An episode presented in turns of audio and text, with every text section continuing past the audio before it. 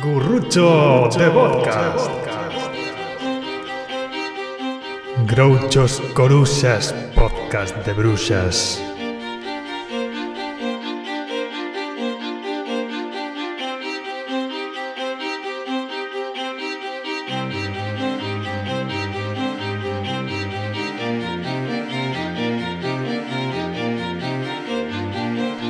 Moi boa xente, damos vos a benvida a unha nova edición de Gurrucho de Podcast Oxe, contamos coa presencia de Fin, o experto en asuntos italianos Que tal, Fin?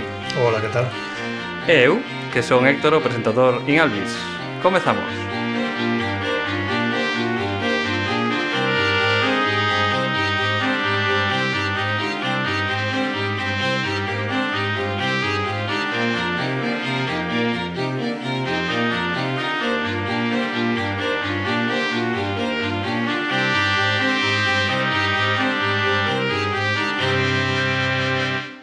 o podcast de hoxe vai ir sobre The Witcher, esta serie, estes libros de Andrzej Sapkowski, do polaco Andrzej Sapkowski, eh, serie de Netflix. E claro, unha especie de desbandada, ¿no? porque é a primeira vez que somos só dous aquí, ademais, en directo. Unha vez fixemos un podcast que éramos dous, ou non sei se éramos tres, pero cada un gravaba na súa casa e tal, o de, o de celtas e galaicos. Pero hoxe estamos só dous, a primeira vez desbandaba, desbandada en The Witcher porque parece ser que hubo algúns problemas, non? O fin, que che contaron por aí?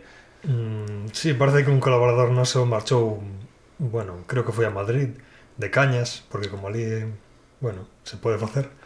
Claro, el viu, viu a oportunidade eh, Viu a ventá aí, a ventá, un viaxe a Madrid, cañas e... Sí, sí. E, e The Witcher, e tapas, por supuesto. The Witcher non, non era o suficiente, non tiña o suficientemente peso contra esas cañas maravillosas. Que sí, home, que sí, está moi ben irse de cañas por Madrid, por Pontevedra ou por onde, ou por onde faja falta. Eh, non só acabar isto, vamos a ir, por suposto, a tomar unhas cañas en honor a todos estes, a estes desbandados que tuvemos. Eh, non sei se queremos, non vamos a comentar nada máis da actualidade porque non sei que vai pasar en Madrid tamén, pero No, a actualidade non nos importa bastante, demasiado. A actualidade é bastante aburrida. Últimamente sí. Bueno, sí, ahora acabo de acordarme de que li un titular, ni siquiera un estudo. Un titular sobre uns tipos que fixeran un estudo sobre eh, a, a xente que mira un reality show de, de un certo canal sobre xente que está nunha illa facendo bueno, e que dio botellón, etc. Entón o estudio decía que a maior parte da xente que miraba ese reality non distinguía a realidade da, da ficción. Entón eu pregunteime, pero que é a realidade e que é a ficción? Uf, que metafísico, vamos a preguntar a, a Schopenhauer ou a Nietzsche, non o sei. Eu quero ser desa xente. Eu a verdade é que nunca vin esa serie porque nunca miro a tele xa, prácticamente. Solo dibuxos animados, cos... porque teño pues gativos. Eu estaba onte mirando Eh, bueno, a triloxía do dólar inteira non, porque dura moito. Entón, acordeime agora polo rollo de que unha vez fixemos un podcast eh, apócrifo no que solamente éramos dous. Un prepodcast, porque non se publicou. Entón fixemos un sobre a triloxía. Entón, onte estaba mirando a triloxía e collín o volume da tele e puse ao máximo.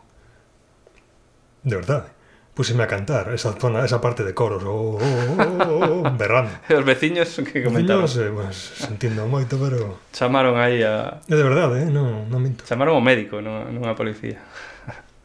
Como se nota que somos dous, estamos aquí alargando esta primeira parte, porque, bueno, vamos a empezar. Xa, porque ¿no? creemos que nos contrate o Clube da Comedia. sí, sí. Para subir o nivel. Nada, vamos a comentar un pouco como vai estruturar a estar estruturado o podcast No bloco 1 eh, falaremos de Masia eh, na, eh, durante a historia, Masia na historia. No bloco 2 falaremos de The Witcher, esta serie e libros de Sapkowski. No bloco 3 falaremos de Masia na ficción, Masia e magos na ficción, e no bloco 4 falaremos de Masia en Galicia, que hai bastante, bastante do que falar, e vamos a encargar a Fran que nos mande algo, vamos a obligar ¿no? mediante todo tipo de ameazas, a obligar que nos mande un audio con este último bloque. Él va a hacer íntegro este bloque. Vai ser o bloque máis largo. Vai durar como mm, 45 minutos, máis ou menos. Esperemos que non. Imagínate 45 minutos falando Fran seguido. Habrá que meterlle moita musiquilla polo medio. pois eso. Comezamos con esta música, o bloco 1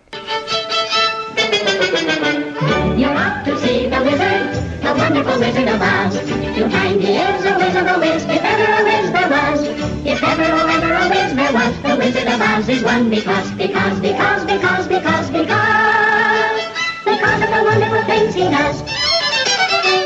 You're off to see the wizard, the wonderful Wizard of Oz. Escoitamos esta música, famosísima música da película Mago de Oz, dun mago, dun dos magos máis famosos da historia do cine, do cinema, E non falamos de Camaño, que me recordou aquí Fin neste, neste off.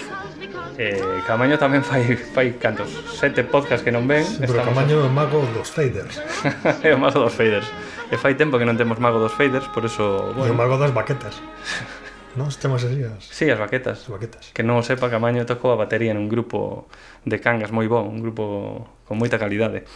Eh, nada, neste bloco, o Mago de Oz introdúcenos a Amasia e a historia da Amasia. E aquí fin vai levar o peso, así que fin, veña, comeza. Sí, xa estou sentindo sobre o meu corpo os tomates. Entón, como primeira parte, mm, vou definir, mm, máis ben vou copiar a definición de mago ou masia, que topei en varios dicionarios e fixen un sincretismo, non? pero por, eh, por contraposición, porque non, non está moi claro o que queren decir. Entonces, eh, digamos que a masia se contrapón á religión como religión como crenza ou adoración dun poder sobrenatural superior que adoita ser unha divinidade ou normalmente varias, non? os famosos deuses, que agora casi non existen. Os famosos deuses. Mentres que mm, por masia mm, as definicións, aparte de que ten outros acepcións como de ilusionista, etc, etc, falan de, mm, da masia como uso de rituais baseados en coñecementos ocultos para manipular ou obter información do mundo, así dunha forma moi académica e moi moi ampla, non? É dicir, que parece que se sobrepoñen os significados, que unha cousa pode ser masia e formar parte dunha religión, e unha religión pode tener, pode ter, evidentemente, un certo toque ritual un pouco escuro, un pouco difícil de entender para os non, non legos, ¿no?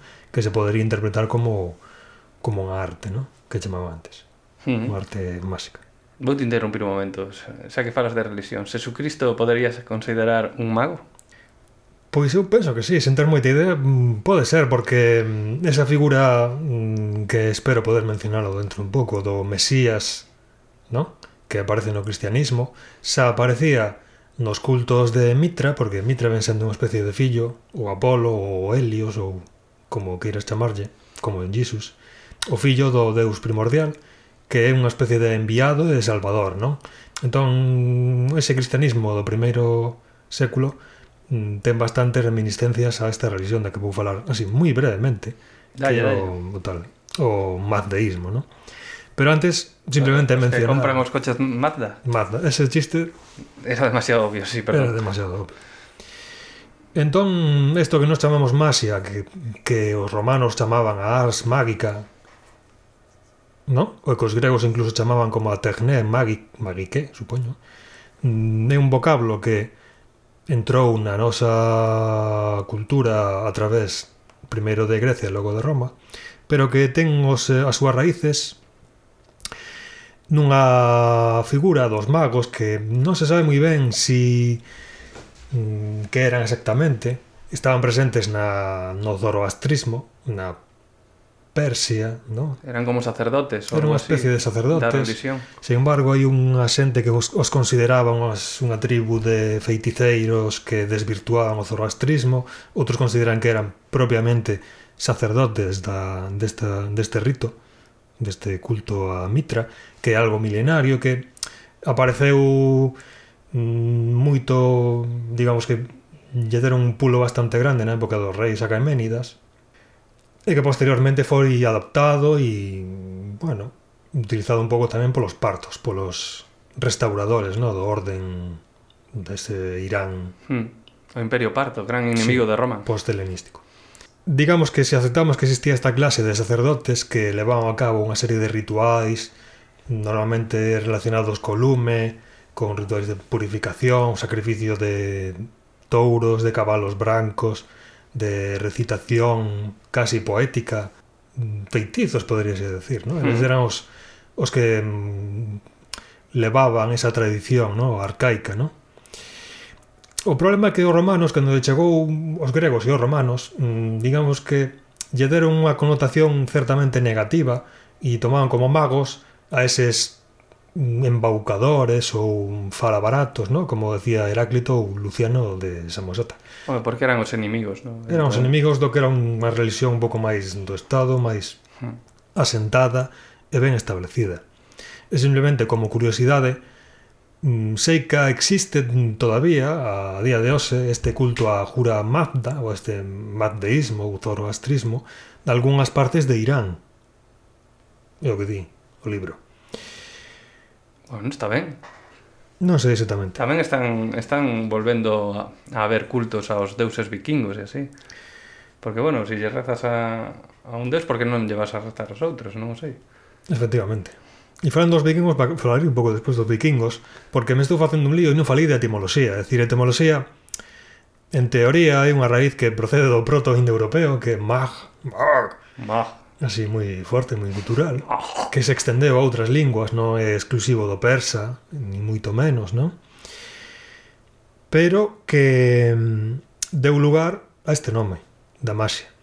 Falando dos, eh, falando dos normandos, pareceme curioso porque no mundo árabe, coa conquista de ese outro imperio mm, persa posterior, que foi os sasánidas, se non me equivoco. Sí, creo que sí. No século VI, VII. A partir dali, eles mm, incorporaron este termo de mago, pero que lle deron unha acepción como de pagano, ¿no? como de foráneo, como que mm, de non adorador do, da verdadeira religión ¿no? de Mahoma. E inda por riba, na península ibérica, na que se conocía como España, naquela época, os andalusíes, chamábanlle mago, magos aos normandos, os vikingos. Ah, eso non, non sei moi ben por que razón. Os eh, chungos por chungos e por invasores, ¿no? Mm. E chegou a tal extremo esta asociación de invasión polo mar con señores moi malos, moi malvados, que lle, sei que lle puseron o nome a unha planta que se chama azucena de mar. Non o sabía, e iso que eu debería sabelo. Sí, non? entón, dando así un, un longo salto na historia, topei unha referencia que fala do, no mundo anglosaxón do ano 1811 como o momento no que aparece esa mención eh, moderna de término mago e que despraza un termo un pouco máis arcaico que sería o de witchcraft, ¿no? vindo a conto de, de Witcher, ¿no? hmm, que mesma sí. raíz. Tiña outra palabra, outro palabra extraño que drycraft, que procede un pouco do irlandés ou do Drycraft. Drycraft, drycraft que procede un pouco que desa... Que é un mago tamén. Sí, un mago, Incluso, un que ven un pouco da raíz druida, ¿no? Ah, druida. Un pouco así retorcido, pero así. Entón, agora vamos con unha especie de retadí, retaí, non sei se pode decir en galego, creo que non. De, pois non o digas. De sinónimos, esa o dixen. Métedeme unha patada. De sinónimos en galego de mago, ¿no? Deña, dalle. Un feiticeiro. Taumaturgo. Sí. Bruxo. Sí. Encantador. Ah, encantado. milagreiro, vidente, adiviño, e a que me fixo máis gracia é escoler. Escolera. Escoler, Escoler. que parece un pouco catalán, pero ven do escolar, do tipo docto, ¿no? Mm? E bueno, un palabra así un pouco bello. E digamos que este sería un pouco a un paso así moi por riba, non me quiso meter en Mesopotamia ni en Egipto, simplemente como introducción, non? Sí, da, no, está ben. Da palabra. Está ben, para introducir a palabra.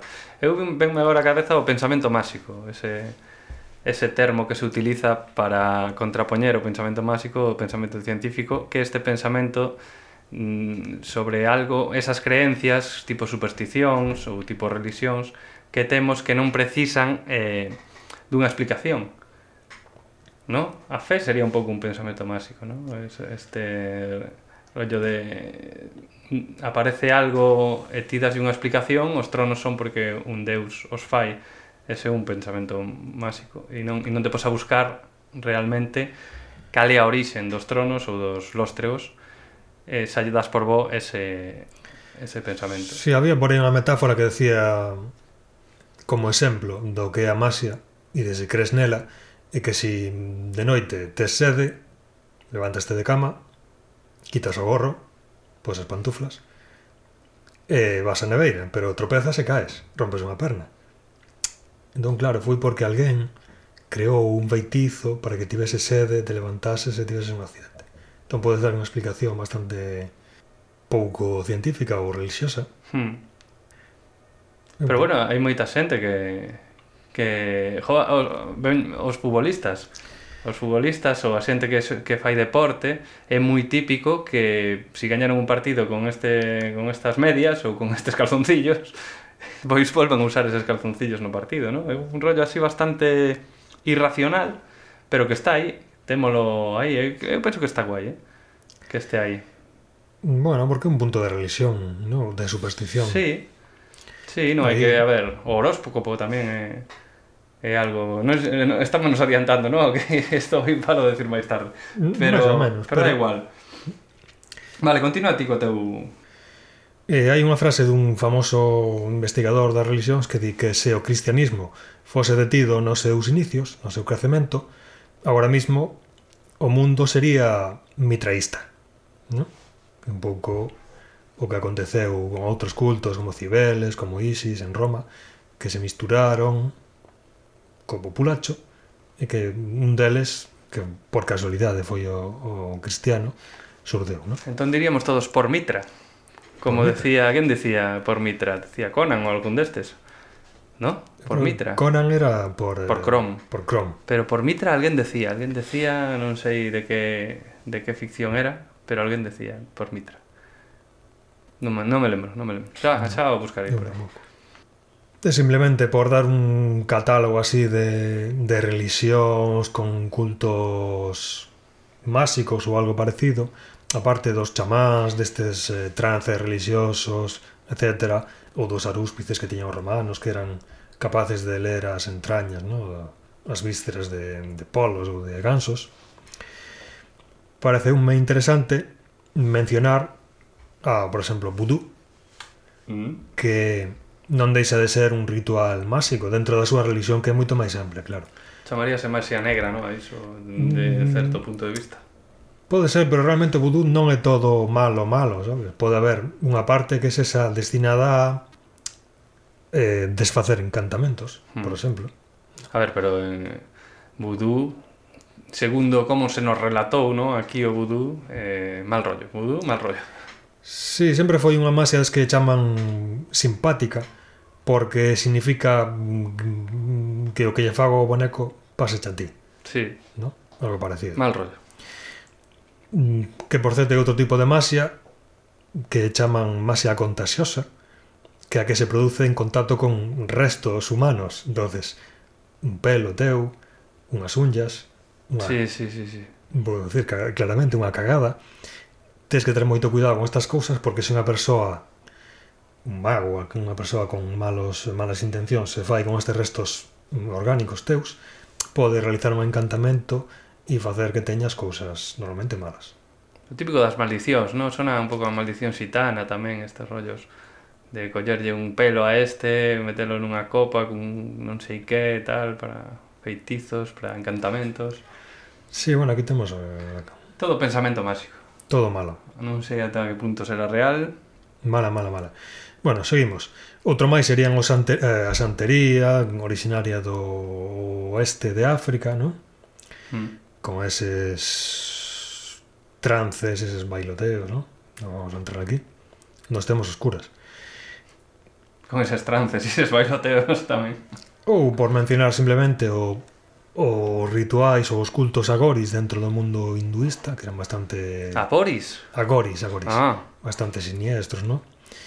Ou unha máxia que é máis recente que se chama Wicca, que non sei se vos sona, pero bastante actual, ¿no? creado por un tal Gerald Broseu Gardner. ¿no?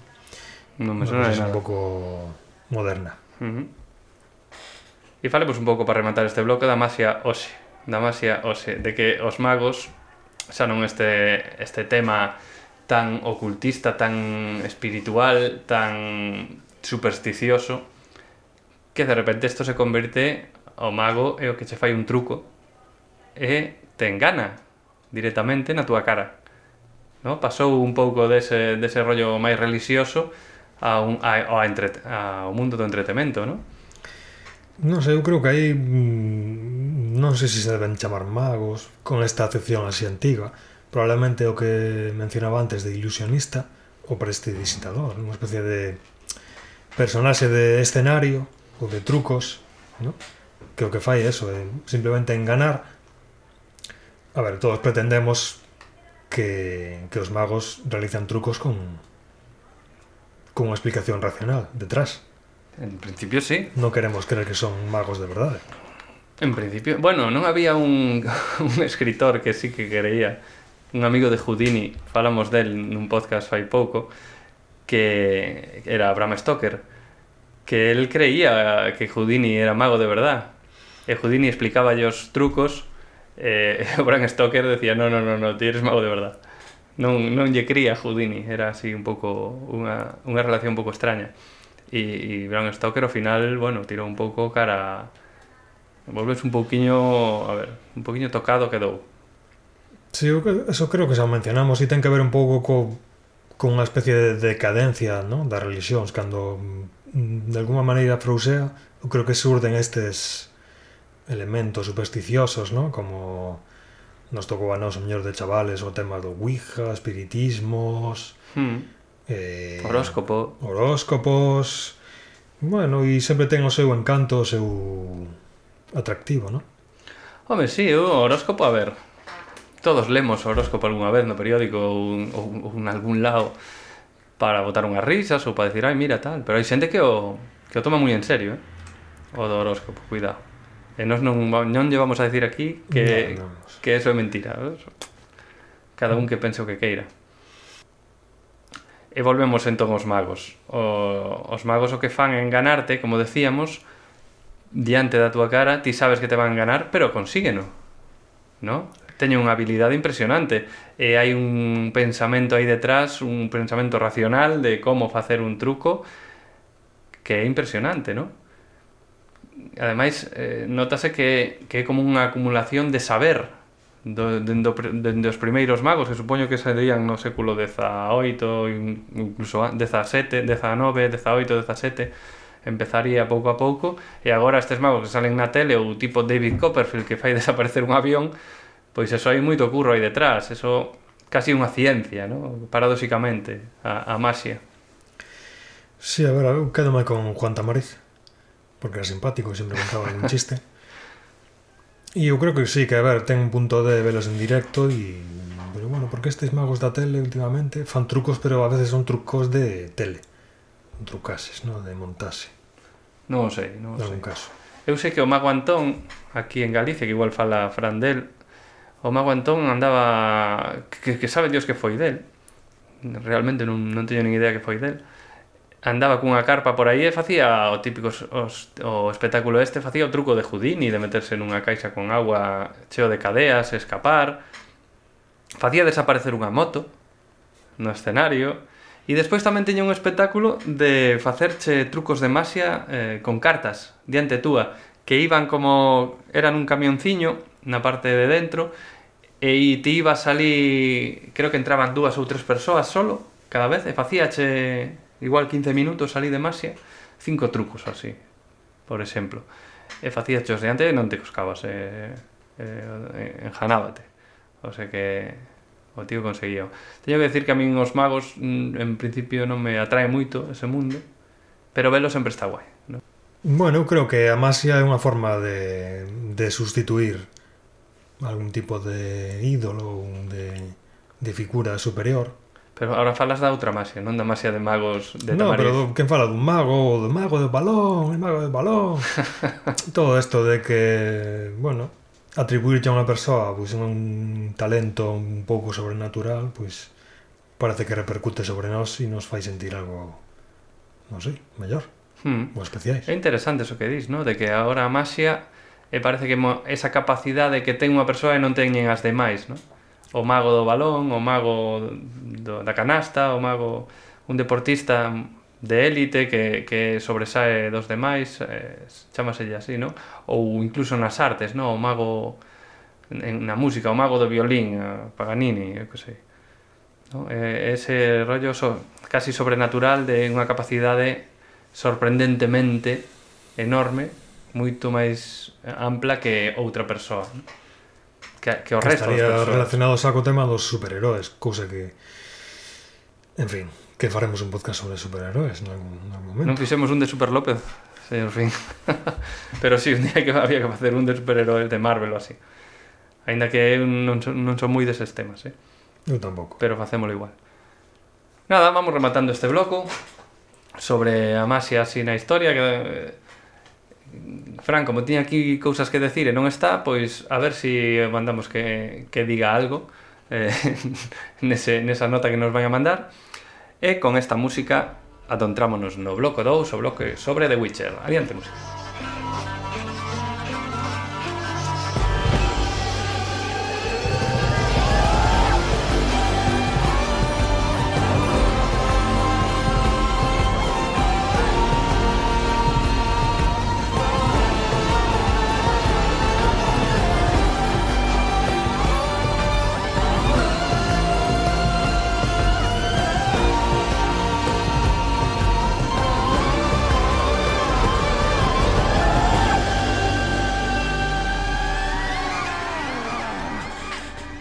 Escoitamos a música da serie de Netflix The Witcher Esta serie baseada nos libros de Andrzej Sapkowski, este escritor polaco E vamos falar un pouquiño así del, de Sapkowski Brevemente, moi brevemente Vamos a decir que naceu en...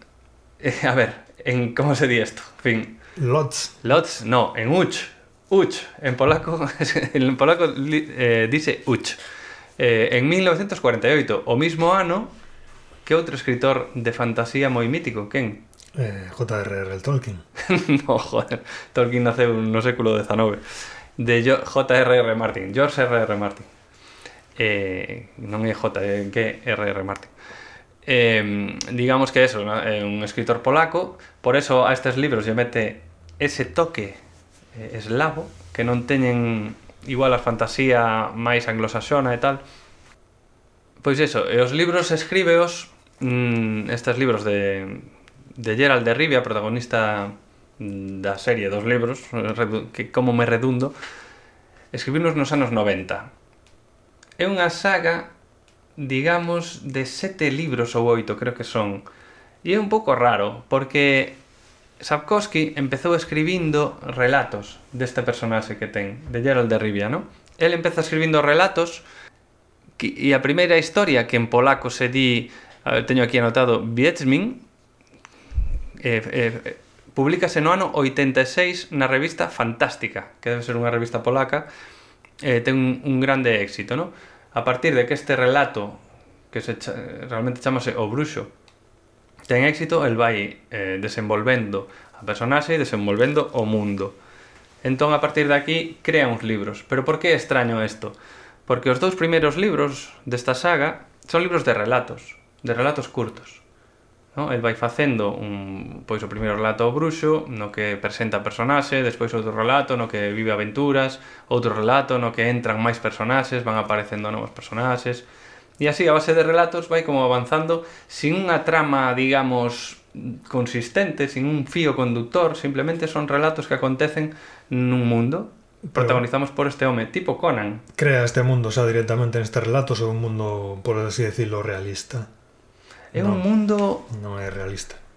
Falaremos, sí, podemos ir, empezar falando xa do mundo. O mundo de Gerald de Rivia é un mundo típico de fantasía, ¿no? Destes que, que tives unha obra de fantasía, sobre todo esta fantasía grimdark que se dan chamar, esta fase, fantasía enlamada, esta fantasía violenta, mm, donde non hai honra, donde todo o mundo é así bastante turbio, eh, que podería ser parecida a, aos mundos de Abercrombie, de Sanderson, que son outros escritores de esa fantasía medieval, digamos, ¿no?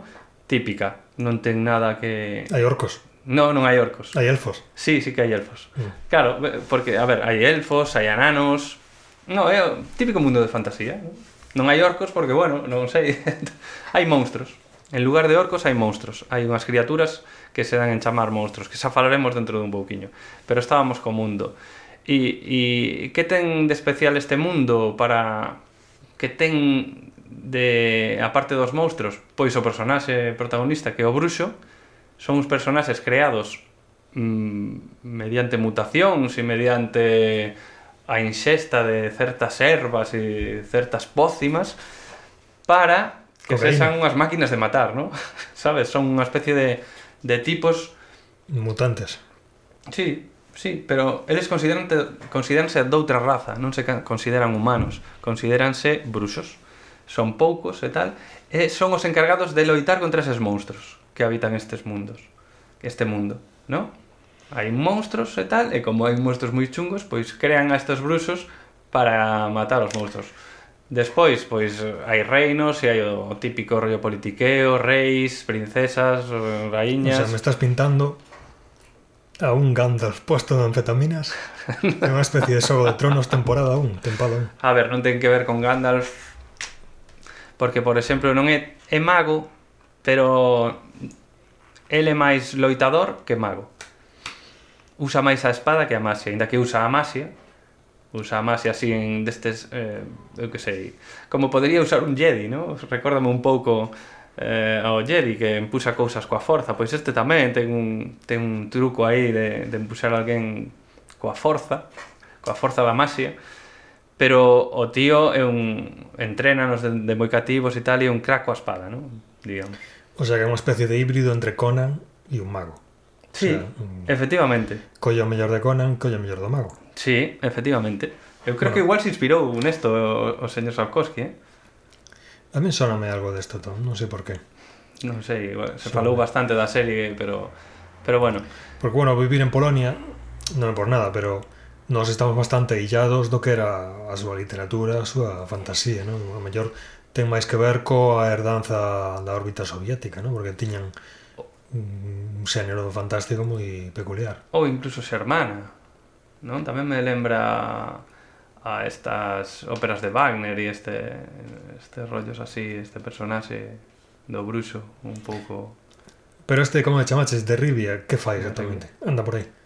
Sí, anda por aí. Eh, os bruxos vagando. van por aí, polo mundo, vagando, e encárganse de buscar monstruos para matalos e que lles paguen por matalos. Imagínate que nunha aldea hai un monstro que está matando de repente algunha xente ou collendo, comendo a colleita ou o que sexa e paganlle uns cuartos o tío cobra e marcha. Agora que xa máis ou menos sei un pouco de que vai o mundo ou os nosos eh, ointes saben de que vai o mundo de Witcher eh, cantos libros hai? É dicir, vale a pena que eu gaste os meus cartos no primeiro, me enganche, bueno, vou comprar o segundo. Ah, eso era que eu estaba contando me antes. Enganchome, compro o terceiro, compro o cuarto. Os dos primeiros son de son de relatos, ¿no?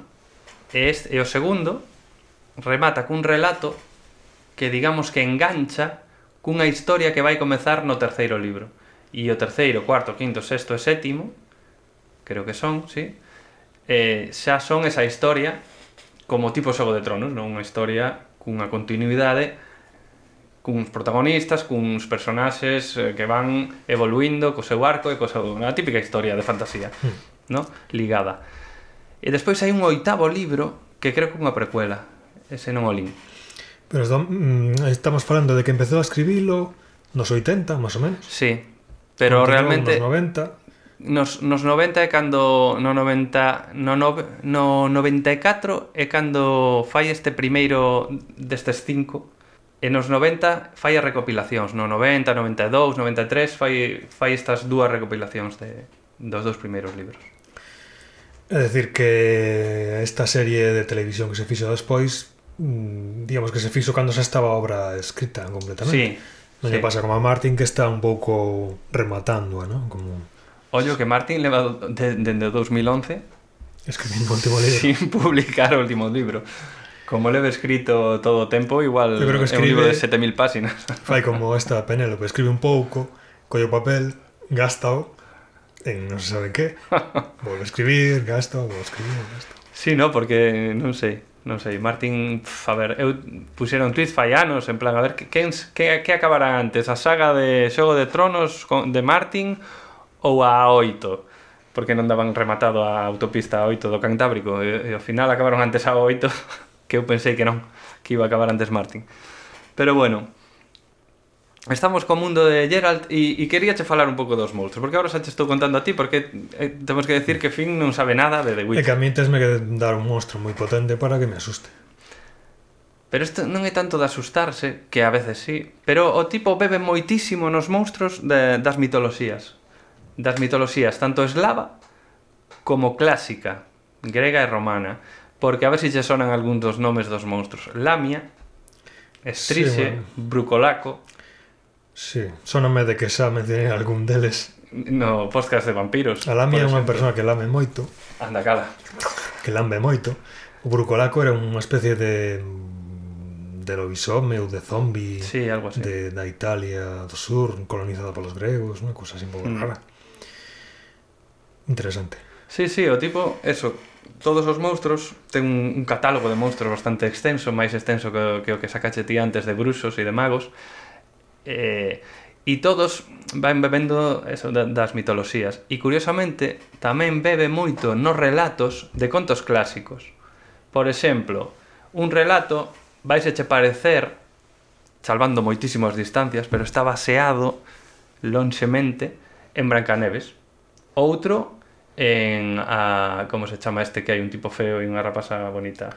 A, o... a Bela Vesta a Bela no, ah, Vesta iba a decir o parrulo feo. No, no, a vela, a vela e a besta. Basea así, estes primeiros contos están claramente, bueno, claramente, claramente sí, el utiliza, están lixeiramente baseados en, en contos clásicos. Entón, esta... Eso faría para non pagar dereitos. Porque pa, non pagar dereitos de que de Brancaneves. No. No, creo que si, si se collen ben collidos son historias que sempre enganchan, ¿no? claro. que sempre teñen un punto de que son universais. É como Kurosawa baseándose en, en Shakespeare, ¿no? En, en Sergio Leone, este. ¿no? En se, no, Sergio Leone copiando a Kurosawa.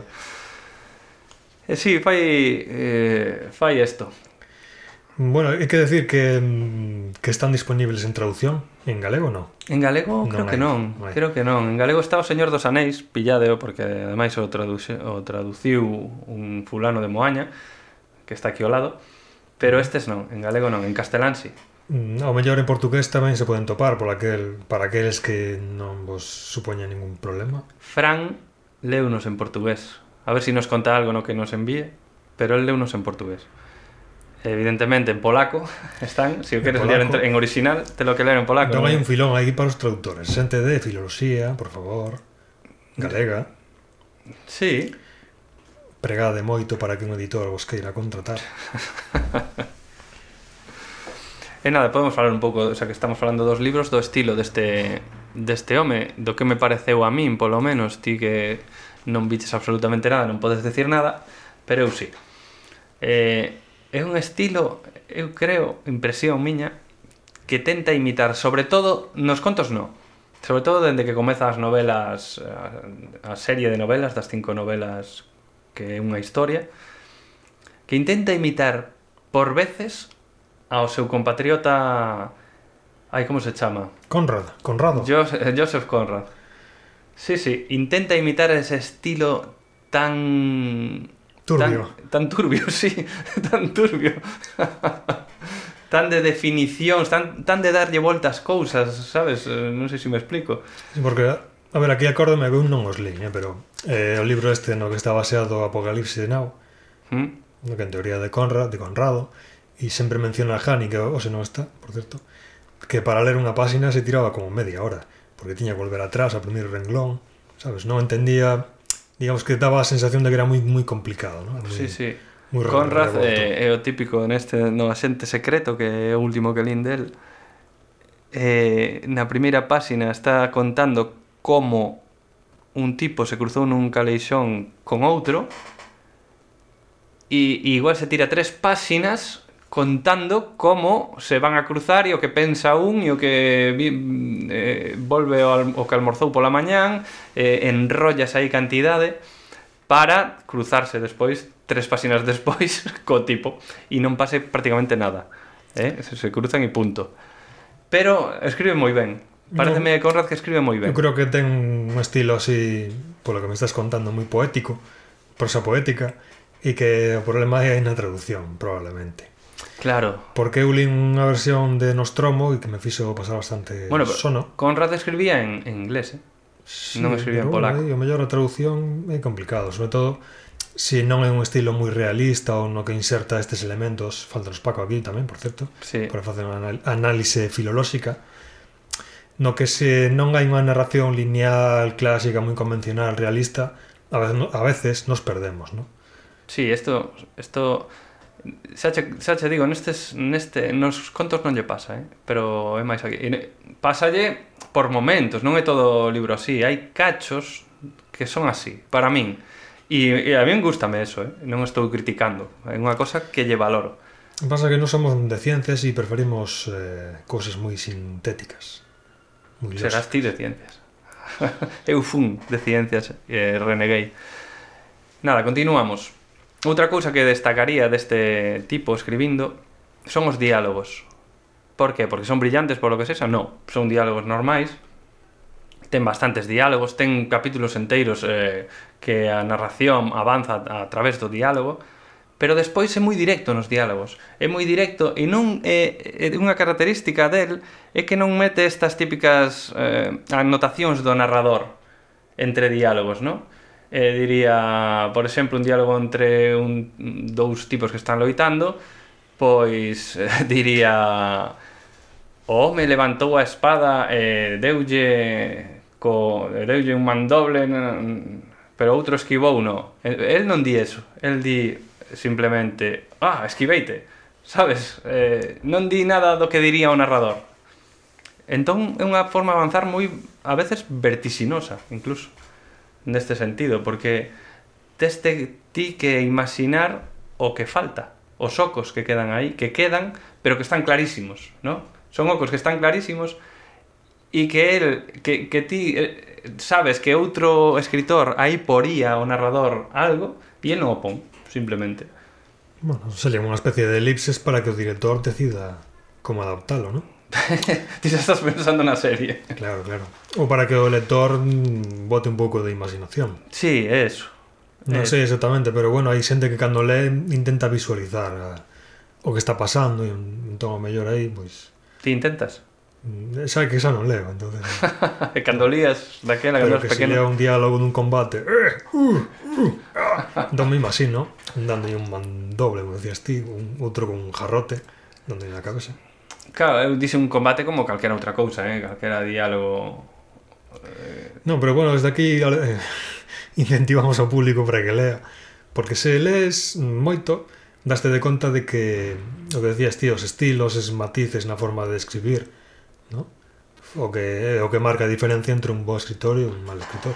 Sí, a mí me gusta Mesakowski, por IA o por arriba de Martin, ¿eh? Uh -huh. para mí. Había una mención en Wikipedia. Es que... dime. En Wikipedia mencionaban que a sus libros, escritores preferidos, estaban Raymond Chandler, Humberto Eco y un tal Bulgakov, que no lo conozco. Ah, de Sapkowski. Sí. Entonces, bueno, quizás ahí por esa incisión en los diálogos de Chandler, ¿no? Porque también era muy de ritmo, ¿no? Como de, de estas pelis no estoy sí, sí. Muy ritmo, muy ritmo. E y no parase demasiado. a describir o que están facendo as persoas durante sí, o diálogo. Este non é que non se para demasiado, que non se para nada. E a min gustoume tamén ese rollo. E por último, que destacaría deste, deste autor é que hai partes, non sei como explicar isto, que son moi cinematográficas no sentido de que parece que está describindo o que está vendo nunha pantalla. Non sei se me explico. De repente está facendo un párrafo, acaba o párrafo e pon luz, brillo. Eh, Geralt levantouse non sei que, en, sabes? É bastante típico, a ver, non é non é non inventou nada disto, pero ta, utilizao moito. Sabes, este esta narración moi moi directa, descripción directa, ¿no? De, uh, de repente había moita luz. No, no, no, luz a secas. Entón fai que fai que sexa como un libro moi como ondulante. Ondiñas veñen e van de repente estilo Conrad, que se recrea, y de repente estilo super directo. Estilo Conrad, estilo super directo. E, aparte do desconcerto inicial, despois, creo que é bastante disfrutable. O Recomendo, sea que, que Sería un libro recomendable, non sería... Sí, sí. Non sería un bestseller, entonces tipo Ken Follett ou unha cousa destas. No, no, no, no.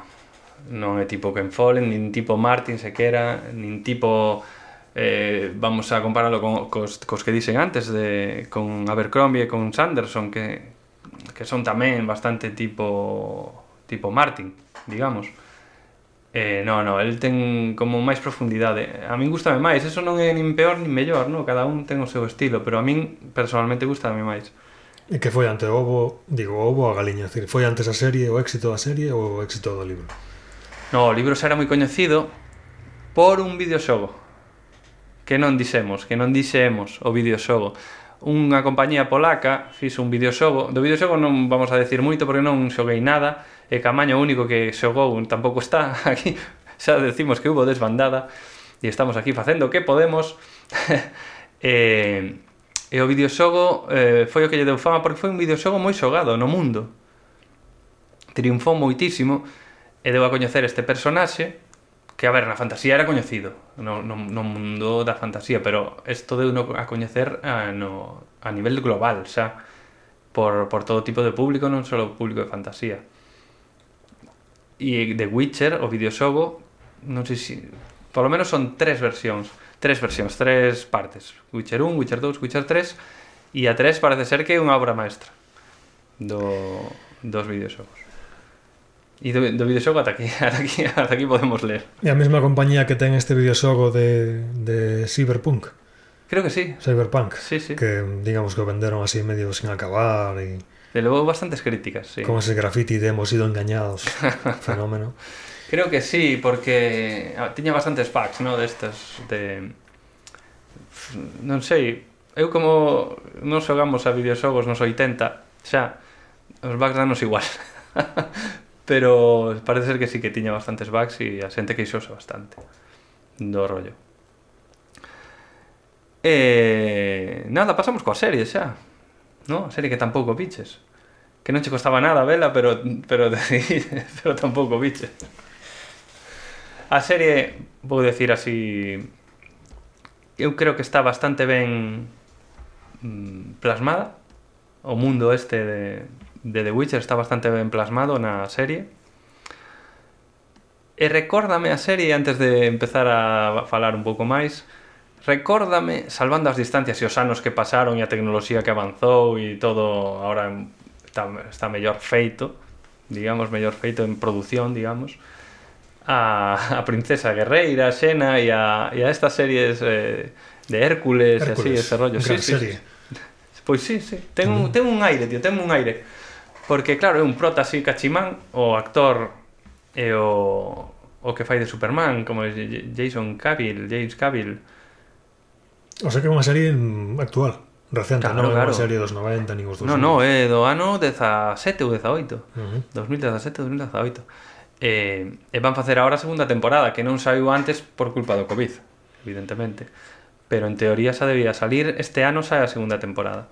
E a primeira temporada vai destes destes contos que che comentei de destes dos primeiros libros que non teñen relación entre sí e falan eh, falan eh, están bastante ben plasmados, no? Cambian cousas, como sempre, cambian esta personaxe aquí non está, agora sí, agora non, no? Cambian detalles, pero en principio está bastante bastante ben plasmado fa unha cousa na serie que é xogar mm, cun rollo temporal que enganan ao espectador, misturan un pouco o presente co pasado. Eh, eu vin as series antes de ler os libros e a min gustoume eso. Houbo moitas moitas críticas que non se entendía nada, eu entendín todo e gustoume e moloume bastante. Mm, Recordame esta peli de, de Christopher Nolan. Memento? No, eh, bueno, Memento vai un pouco do, do tempo, pero do revés. Hmm. A última de Nolan que lle chaman Tenet, que tamén se mistura o presente e o pasado. Víchela? Eh, sí. Sí, eu non a vin. Teño que vela. Recomendasme? Sí, é interesante. Decía, a pesar de ser de Nolan, ten unha factura unha factura visual bastante Qué interesante, moi bonita. O sea, moi ben fotografiada e ten certo ritmo. Repite un pouco os esquemas de, te, de Nolan na forma de desenvolver cunha especie de batalla final ¿no? pero bueno, é bastante mm. interesante e me chamou a atención eso que decías ti de que se mistura o presente e o pasado e o futuro uh -huh. Esa que estamos vamos falar dos personaxes que habitan esta saga de Gerald de Rivia e os actores que, que os interpretan na, se, polo, na serie de Netflix Henry Cavill que non, que non, non sei que non me dixen eu antes, pero non era Henry. É o que fai de Gerald de Rivia, o famoso bruxo albino é albino, ten o pelo blanco.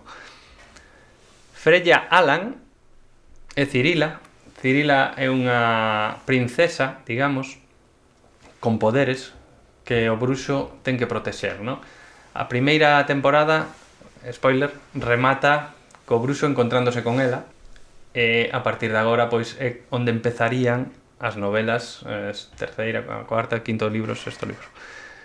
Despois está Ania Chalotra, que ten pinta de ser in, da India ou, ou algo así, que é Jennifer de Bengenberg, que é unha feiticeira, aquí, xa que estamos falando de Masia, esta é unha feiticeira, unha maga típica típica maga do, de calquera ficción mm, que ten poderes, fai así coas mans e bota ten, crea portais para teletransportarse, eh, bota lume, no, típico típico mago. Entón existen magos bons e magos malos, unha especie de maga mala de No, a maga non é mala, é colega no. del. Ah, colega. Enrollouse con el e todos esos rollos. Pero son estes amores amor-odio, no? De, que non están xuntos, pero sí, pero non. Pues, xogan con esa tensión eh. sexual. ¿no? Este mago non ten unha especie de colega, unha carabina, un tipo que anda con él. Sí. Un tipo sí, baixiño. Por, por eso me recorda a Hércules. Baixiño, baixiño e non tan cachas como él. Por eso me lembra a Hércules. Porque eh, Joe Batey é o actor que fai de Jaskier, que é un bardo que viaxa con el e vai cantando as súas, as súas fazañas, ¿no? E fixo o famoso a él. Porque, porque eso, el, el acompaña porque quere ver como o que fai, no? E despois el cántao, pero claro, adornao moito, no? Escribe, minte, eh. minte máis que, que canta. Escribe en tempo real. streaming, fai streaming por Twitch. Ai. E despois, bueno, hai outros magos, hai, por exemplo, Anna Schaffer, que fai de Tris Merigold, eh, Merigold que é outra feiticeira, eh, que máis? Ah, Mianna Buring e Tisaya de Bries, a rectora onde estudiou, porque tamén aparece a historia de desta de Jennifer, a vez que que as historias do bruxo, está a historia de Jennifer que estudiou na mesma escola de magia, eh? O sea, que comparten unha especie de escola Son como casi... Harry Potter. Sí, algo parecido. No, non estudia na mesma historia na mesma escola co bruxo, joder. Ah, no, Harry Potter é unha escola de privada, hombre, que, por favor. E que Harry Potter tampouco. Si, sí, esta é pública. Esta é pública. Foron a coller ali e eh, levaron, levaron a, para que aprendera. Eh, eh, sí, ese rollo de escolas de magia tamén bastante clásico na ficción, ¿no? Eh, Harry Potter, por exemplo. E actores mm, rostros conocidos, así que chamen atención, nome. Pois aparte do prota Henry Cavill mm, non a min non me sona ningún. Son todos así caras novas, caras descoñecidas que sempre ven ben tamén, non? Sí, Frescura. a ver, non queremos ver a George Clooney facendo un mago. No, Eu non, personalmente. Ou a Jeremy Irons outra vez, como aquela vez en... Bueno, Jeremy Irons sin vale. Él seguro que se prestaba. apunta, eh. sí, a un bombardeo. Mira, Lars Mikkelsen estou vendo aquí que é Stregobor. Un feiticeiro. Sí, sí, Lars Mikkelsen. Notase que temos aquí a Wikipedia. Por certo que non salía nada na Wikipedia en galego. É certo. Estaba vacía completamente. Valeira. Temos que facer nós. Nada, e isto, eh, o que che decía, eh, empeza a segunda, a partir do terceiro libro que empeza esa novela, será a segunda temporada da, da serie. E tem, tuvo moi boa, o sea, moito éxito en Netflix a pesar de ter mogollón de críticas, eh? Tuvo mogollón de críticas dos fans dos libros, pero tuvo moito éxito, ainda así. Home, facendo a comparación, eu que non teño nin idea, mm, digamos que se hai un fenómeno fan moi importante, como lle pasou a Martin, eso pode servir como publicidade, ¿no? positivo, ¿no? Es decir, que haya polémicas, que haya pues, esa xente fanática que dice no, que isto había que adaptarlo esta maneira, que este final non valía, ¿no? Hmm. Pode ser esa... Bueno, que es que saia ben, ¿no? A xogada aos produtores. Sí, sí. Non sei... A ver, non vai a chegar a, ao que é Xogo de Tronos, non, non vai a chegar nin de coña. Mm, porque... No, pero bueno, cando fixemos este podcast había un, un murmurio, non? Entre a xente da calle, saías ao mercadillo, a xente estaba falando de do dragón, da señora esta do pelo branco. Ah, sí, claro, por eso. Había todo o mundo falaba, non? E E de, de, de Witcher no, non vai pasar. Non, pues, non vai pasar. No, a ver se depois deste podcast. Xente... sí, vamos. Temos unha tirada a nivel galego aí enorme. Sí, sí, importantísima. Importantísima. Pero está ben. Temos fans que están intentando gabear pola porta da miña casa. Eu estou coa escopeta. Non entrades, sabedes que teño unha escopeta. De perdigóns. Ai. Bueno, eh, da serie, non sei se queres saber algo máis. Non... Sí, a ver, de momento cantas tempadas hai? Unha soa. Unha. unha. Eh, hai unha posibilidade de que a voten na TVG. Sempre hai posibilidade de que va... Se a votan na TVG votarán ás 3 da mañán ou así, Pero na TVG dúas. Teñen que coller parte do presuposto da Cidade da Cultura e para poder pagar, bueno, ¿no? Con parte de presuposto da Cidade de Cultura poden comprar 40 series. Teñen con menos dereitos, teñen que Sin dobrala tamén, non? Eh? Dobrala, o galego. Sí, oye, estaría guai vela en galego, a verdad? Así que estaría guai. Eu estou na mirando subtitulada en versión original en inglés, pero eh, pero sí. Estou na mirando, digo porque estou na remirando. Xa mirei unha vez inteira e estou na segunda. Porque adaptacións polacas non hai. Hai unha película do principio do século XX eh, que se chama O Bruxo en Polaco, de, de, o que dixen antes, de Bittismich, que, bueno, un pouco fulera. Un pouco fulera, así un pouco película amateur, ¿no? Casi. Casi. E pouco máis hai, hai, hai, hai, hai aparte dos videoxogos, hai xogos de, de mesa, hai xogo, hai xogo de rol, no? típico, porque toda ficción de fantasía hai un xogo de rol sempre, un xogo de mesa. Ese, o pack ese teno, teno todo. Pero despois máis non...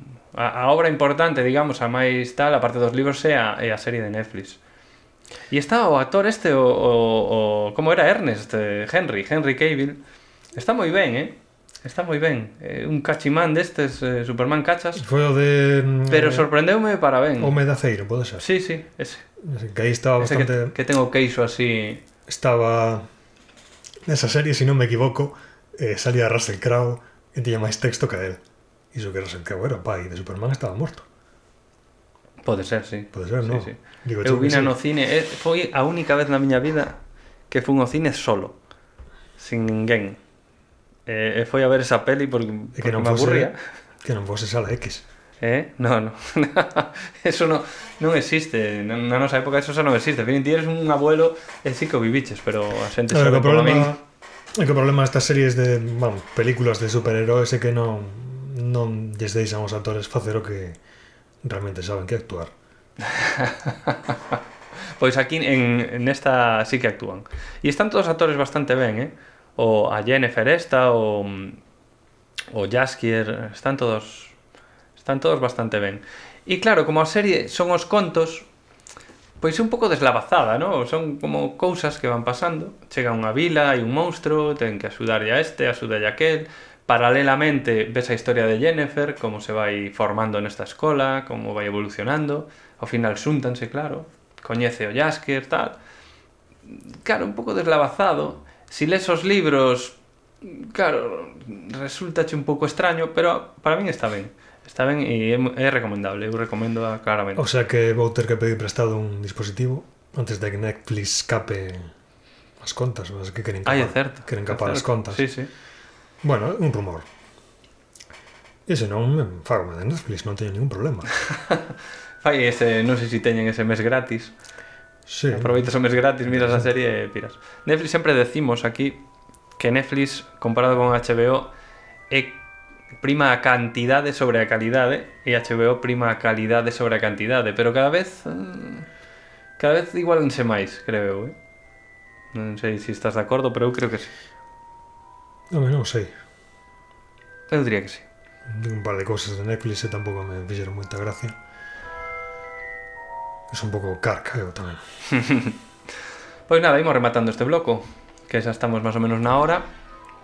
Imos rematando o bloco sobre The Witcher, que visitamos así un pouco por riba, non sei se si sí. Probablemente Francisco nos faga algunha pequena grabación así sobre reflexión, ¿no? De... Sí, sí, Francisco ten que aportar en todos os blocos algo.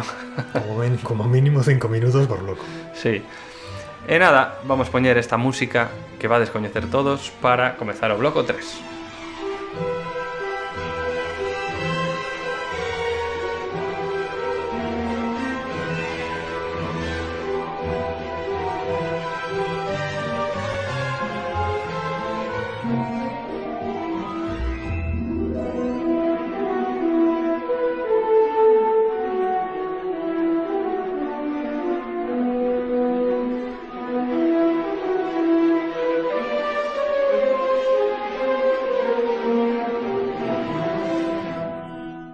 e escoitamos esas notas, esas notas dese, dese instrumento, arpa, mm, xilófono, non sei o que coñecidísimas da saga de Harry Potter, deses libros e desas películas tan coñecidas da señora, como é o nome da, da escritora de Harry Potter? Eh, que, Rowling. Rowling, J.K. Rowling, sí, sí.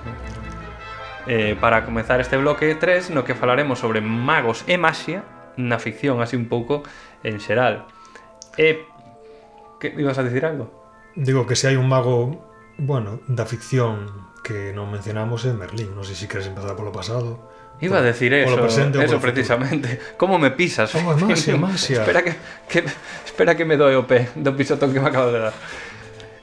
Iba a decir que vamos a empezar por Merlín, porque como mago o primeiro, o primeiro mago, no, da ficción coñecido así a nivel mundial, coñecido por todos, E, bon, e Merlín, de onde sale este tipo, Merlín? No, eu a primeira referencia que teño a Merlín é pola, pola película de Excalibur, pero me imagino que o tío si está ambientado en esa época de finais do Imperio Romano, principios desa idade media tan lonsana, probablemente sexa algo parecido a un druida, non? Eu penso que sí. Un herdeiro deses cultos extraños tan tenebrosos, non? Con sacrificios incluídos. Mm e non deixa de ser un asistente, un asesor ou un protector no? da, da corte, do que lle tocase nese momento, porque o tío é, vivía, viviu moitísimos anos, no? Merlín, Creo que non morreu todavía. Sigue vivo, ¿no? Merlín. Anda por ahí. Está vivo todavía. Anda por aí. sí. Vino outro día ali estaba esperando para coller o barco a Vigo. Entón creo que aí esa é a primeira referencia, ¿no? Dun, dunha figura que é a herdanza deses magos que mencionamos ao principio, dos persas, que ten ese toque misterioso porque é algo alleo, ¿no? A, hmm. a sobre todo a religión máis tradicional, sí, convencional. Sí, sí. sí. Y precisamente este druida reconvertido, ¿no? Un pouco a este aspecto de Merlín, de mago de mago con, con ese gorro e con esa túnica, ¿no? Que teña unha imaxe, eu creo que aí acertaron bastante os eh, os de vestiario da película de, de John Burman, porque levaba unha especie de gorro calva metálica, Ay, sí. Era una especie de gorro que se extendía sobre a calva, que reflexaba bastante. Elevábalo unha especie de sí, de mantón ou de túnica que podía lembrar un pouco a algún mago moderno, ¿no? algún Dráculo, unha cousa destas. Sí, sí, pero é unha iconografía que se repite, ¿no? que despois sí. eh, van beber moitos moitas obras deste, desta figura de mago. Creo que tamén é unha figura un tanto universal. Leva un pau, unha especie de casato, se non me equivoco. Sí, sí que algo parecido tamén o que levaba Gandalf ou Saruman, todos estes Sí, os magos, os magos de os Istari de Tolkien, uh -huh. que son os magos, sí, sí, sí. Pero este Merlín tiña un toque un tanto un tanto turbulento, ¿no? Porque se ven é certo que era ou me debo a sensación a mí de que era un protector, ¿no? de Arturo, sí. un conselleiro. Un mentor tamén. Tamén andaban polo medio esta Morgana, que non sei se era a súa filla, que era un pouco liante, no? o ser muller ainda por riba lle dan un toque todavía máis misterioso, no? esta mm. figura de, de mago, non é unha bravuconada que digo, non? senón que tiña un componente de, de complicarlle as cousas aos, sobre todo a Arturo. Sí, sí, sí. Home, hai que darlle vidilla, ¿no? A este ciclo artúrico, ¿no? Que se chama Búsqueda do Grial, Excalibur, todo este, todo este tema. Pero bueno, bueno, aparte da película, que a mí me encantou, por certo. Excalibur. Sí, Excalibur. É super turbia, eh? Dá mal... Uf, eh, Dá bastante... Claro, porque eu teño un, por unha parte o recordo de vela de pequeno, pero vendo a logo de maior é máis eh, comprensible, por así decirlo, a, a narración con esa especie de de, de repente aparecen un universo que pode ser máxico, ¿no? que, sí, que sí. se sobrepón a, a ese universo real ¿no? de carne e oso. Ten un halo máxico, ¿no? Esa película, sí, un mm. halo de un brillo máxico extraño todo o tempo. Pero máxico turbio, masia negra. Non sei, eu sí que é certo que a vin de pequeno e non a volvín ver, así que teria que darlle unha, un revisionado pero en principio por agora ainda non. Despois está Os Cabaleiros da Mesa Cuadrada, non? Tamén falan do mismo, pero aí non sale Merlín. Non, creo que aí non sale Merlín. Non sale Merlín, entón pasamos de Pasamos de aí. Do Monty Python. Además, temos un podcast sobre Monty Python. Sí? Sí, dos primeiros. Ti sabes que tiches porque xa vas maior, pero pero fixemos un, non sei, no, na primeira día, temporada. E outro día están votando a vida de Brian. Estamos en Semana Santa, entón anticiparonse un pouco. E fíxeme un montón de gracia. Non ten nada que ver, eh? Aquel home que estaba no cárcere crucificado do revés. Sí. ¿Te acordaste? Sí. Cando pasaba a procesión de crucificados estaba Brian e todos estes. Todo decía a versión doblada en castelán ¡Cabrones, hijos de puta! que suerte tenéis! Casi me parto de risa. Por que? Por non é o que digo que... Porque ele estaba crucificado boca abaixo E os outros iban poñendo boca arriba Vale, vale bueno, da igual. O sea, dice a versión en castelán porque... A versión dobrada, que é unha dobrase loca, louca, louca ¿no? Muy, Sí, muy pero está bastante ben está, está, moi ben. está bastante ben a dobrase mm, Bueno, eu creo que mm, Non sei se que mencionar a Merlín A versión de, do noso queridísimo Méndez de Ferrín Méndez Ferrín, Méndez Ferrín, sí, sí Que fixo Méndez Ferrín que, de Berlín? A ver, aparece ali en, en Frío Hortensia, que se non me equivoco eran tres ou catro relatos. Entón, no primeiro de todo, eu teño un recordo un tanto difuso, así neblinoso, non? Unha fotografía típica de Lucho Fulci, aí, de bruma e néboa. Mm. E era un inicio bastante poético, bastante interesante. E, por desgracia, non me acordo de moito máis, pero sí que quizáis eh, é unha cousa a observar, no? ou polo menos ese intento que fixo Ferrín de misturar esa mitoloxía artúrica, darlle un pouco de aire galego tamén, porque nós tamén temos unha mitoloxía peculiar, xa falamos nun podcast hmm. céltico. Entón sí que aparece Merlín ali como unha figura, de repente vai saindo, non? Neses mundos de Nandigó e de... E Mectofen. E Mectofen e toda esta xente, non? Da Lagoa Antenla e... Bueno, que son, a fin de conta, contos, ¿no? Que lle contaba esta señora Briortense aos chavales estaban ali de... Non sei se pasan das vacacións ou... Eran jode chinchos. Eran jode chinchos. Sí, pode ser. eu entón, creo, creo, eu creo que aí hai que reivindicar a Ferrín, ¿no? como tamén autor de relatos, ¿no? de relatos curtos, ou dun intento de facer un, un universo fantástico, o que lle faltou quizáis un pulo así por parte das produtoras para facer unha serie potente. Uh No seu momento. de Frío Hortense. Home, home, cuidado. El tiña o seu mundo, ten o seu mundo, non, realmente. Sí, sí, sí, eh, sí. Bueno, Ferrín non sei se si despois daqueles libros escribiu máis, escribiu máis, non? Digo eu. Algo sí que faría, nada, pero... pero... bueno, a min xa posteriormente o de Arrayano xa non me gustou tanto. Eu perdín a pista. Pero bueno, eu... Que da clases no Cubi non, non teño ni idea. Eu creo que se botou a perder cando estivo na RAC. dous a perder e xa... Pode ser, non sei. Pero, bueno, ten unhas críticas, ou tiño unhas críticas na, unhas editoriais no Faro moi interesantes, unha voz, non me acordo. Bueno, pois imos con roles do mago na ficción, porque este este rol, no, que que inaugura prácticamente Merlín, despois exténdese, Merlín é moi importante porque eh inflúe en todos os que veñen despois, pero pero vai o mago vai tomando uns camiños de seu, cada un polo seu lado, e van aparecendo distintos roles, no? Sempre é unha figura, o mago, casi sempre, polo menos ao principio, unha figura de sabedoría e de poder. Ten barba, a ver, a barba, cuidado, a barba, sabedes que, por exemplo, Jesucristo ten barba na Semana Santa porque os sabios eh, gregos, os filósofos, tiñan barba. E a representación da barba naquela época era a representación da sabedoría. Entón o mago tamén lle poñen barba un pouco por iso, porque É, sí, representa sabio. unha forma, un, unha especie de estereotipo, ¿no? de, dunha, dun señor que sí, sabe sí. bastante. Isto recórdame, porque o vin outro día, por desgracia, había un tuit no que se comparaba un señor con barba con outro sen barba. Era un señor que se chama Casado, un político. Entón, cando aparecía con barba, decían que, bueno, transmite masculinidade, poder, potencia, sobriedade. E no outro sin barba, pois, pues, decía que non, que era un pouco un chaiñas un que, que lle compraran o título, que fixo un máster en, en Aravaca. É eso, poder da barba. Entón, o poder da barba... Eso ven todo da... O poder da barba que depois hai o tema de tinguila de Moreno, o sea, tinguila ou non tinguila. Eso ven todo de Platón. Just for Men. poder non. Just for Men. Sabes que eso todo de Platón. E que sepades que as primeiras representacións de Cristo na época paleocristián son de un tipo barbilampiño. Unha, unha especie de Apolo. Cristo Apolinio. Sí, non era este pavo siríaco que se chama recórdame que quedou... ese Antinoo de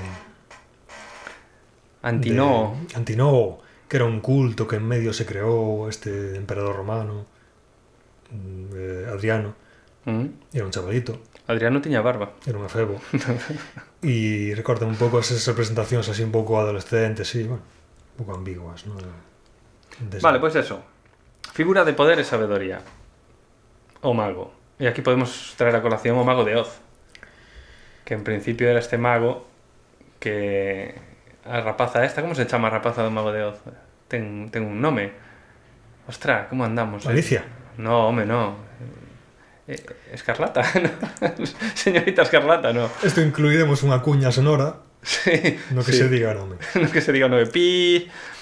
Ostra, como que mal andamos. Esta ra... Dorothy. Dorothy, Dorothy que tiña que percorrer o camiño de baldosas amarelas para chegar ao asunto mago de Oz porque era o, o tipo poderoso que lle iba a, a devolver que a iba a devolver a casa despois deste tornado e ao final resulta ser o mago de Oz un fraude. Sí, era unha especie de atracción de feira no que había un unha persoa no interior, non? Sí. Que era unha especie de científico, non sei exactamente. Sí, é un pouco unha metáfora, unha metáfora dos, dos da masia. Pero bueno, aí as magas, as, o sea, as bruxas eran de carne, non? Sí, sí, as bruxas sí. As, a bruxa que se derrite. Unhas eran boas, outras eran malas. Sí, sí, sí, sí. Logo está o grupo de música que non ten nada que ver. Mago de Oz, bueno, é un grupo heavy español. Non está mal. Eu no seu momento escoitei no algo Vale, continuamos cor, cor roles do mago Vouche decir, a ver se ti me propós eh, me propós eh, ficcións, me propós obras que encaixen con estes con estes roles. Eu vouche decir unha e ti tesme que decir outra, por exemplo. O malvado, inimigo poderoso a batir. A ver, mencionando outra vez o Señor dos Anéis, pois pode ser un Sauron, non? Sí, pero non vale sempre decir o señor das anéis, eh? porque non vai valer para todos os roles, pero sí, sí, Sauron sería ese mago porque... Mira, vi unha peli que ahora non recordo de quen era, que se chama A espada e o feiticeiro, que dos anos 80, un pouco exploitation de, de Conan, ¿no? Mm, sí. E na que hai unha figura de mago, que aparte ten unha voz distorsionada, moi grove, e que encaixa un pouco neste perfil, ¿no? De figura non sei se decir medieval ou desta época antiga, extraña, non? Na que non hai coches e andan todos en cabalos e espadas. e si que é o... Bueno, o mago de Conan, precisamente. O sea, Dar Sadun. Sí, sí, efectivamente, un feiticeiro. Que é un feiticeiro, un gurú, e ao mesmo tempo mm, se, se lle deixan progresar se o deixan progresar convirtese nun, nun gurú, nun, nun un papa. Sí, o sea, se convierte en un papa, ¿no? Tenga ahí un mogollón de feligreses. Efectivamente. Todo tipo de, de, acólitos. Peliculón con el bárbaro. No tanto a segunda parte con el destructor. En la segunda también había un mago, ¿eh? por cierto. La segunda que... Aquel señor que, era, no sé. que vivía en pazos de cristal. Sí. Que sí. tiene una batalla allí en esa habitación dos espellos que, vamos, está interesante. Sí, es cierto. Pero la película no. Igual solo eso. Eu quero traer aquí no malvado a HeroQuest. O, o xogo de tableiro.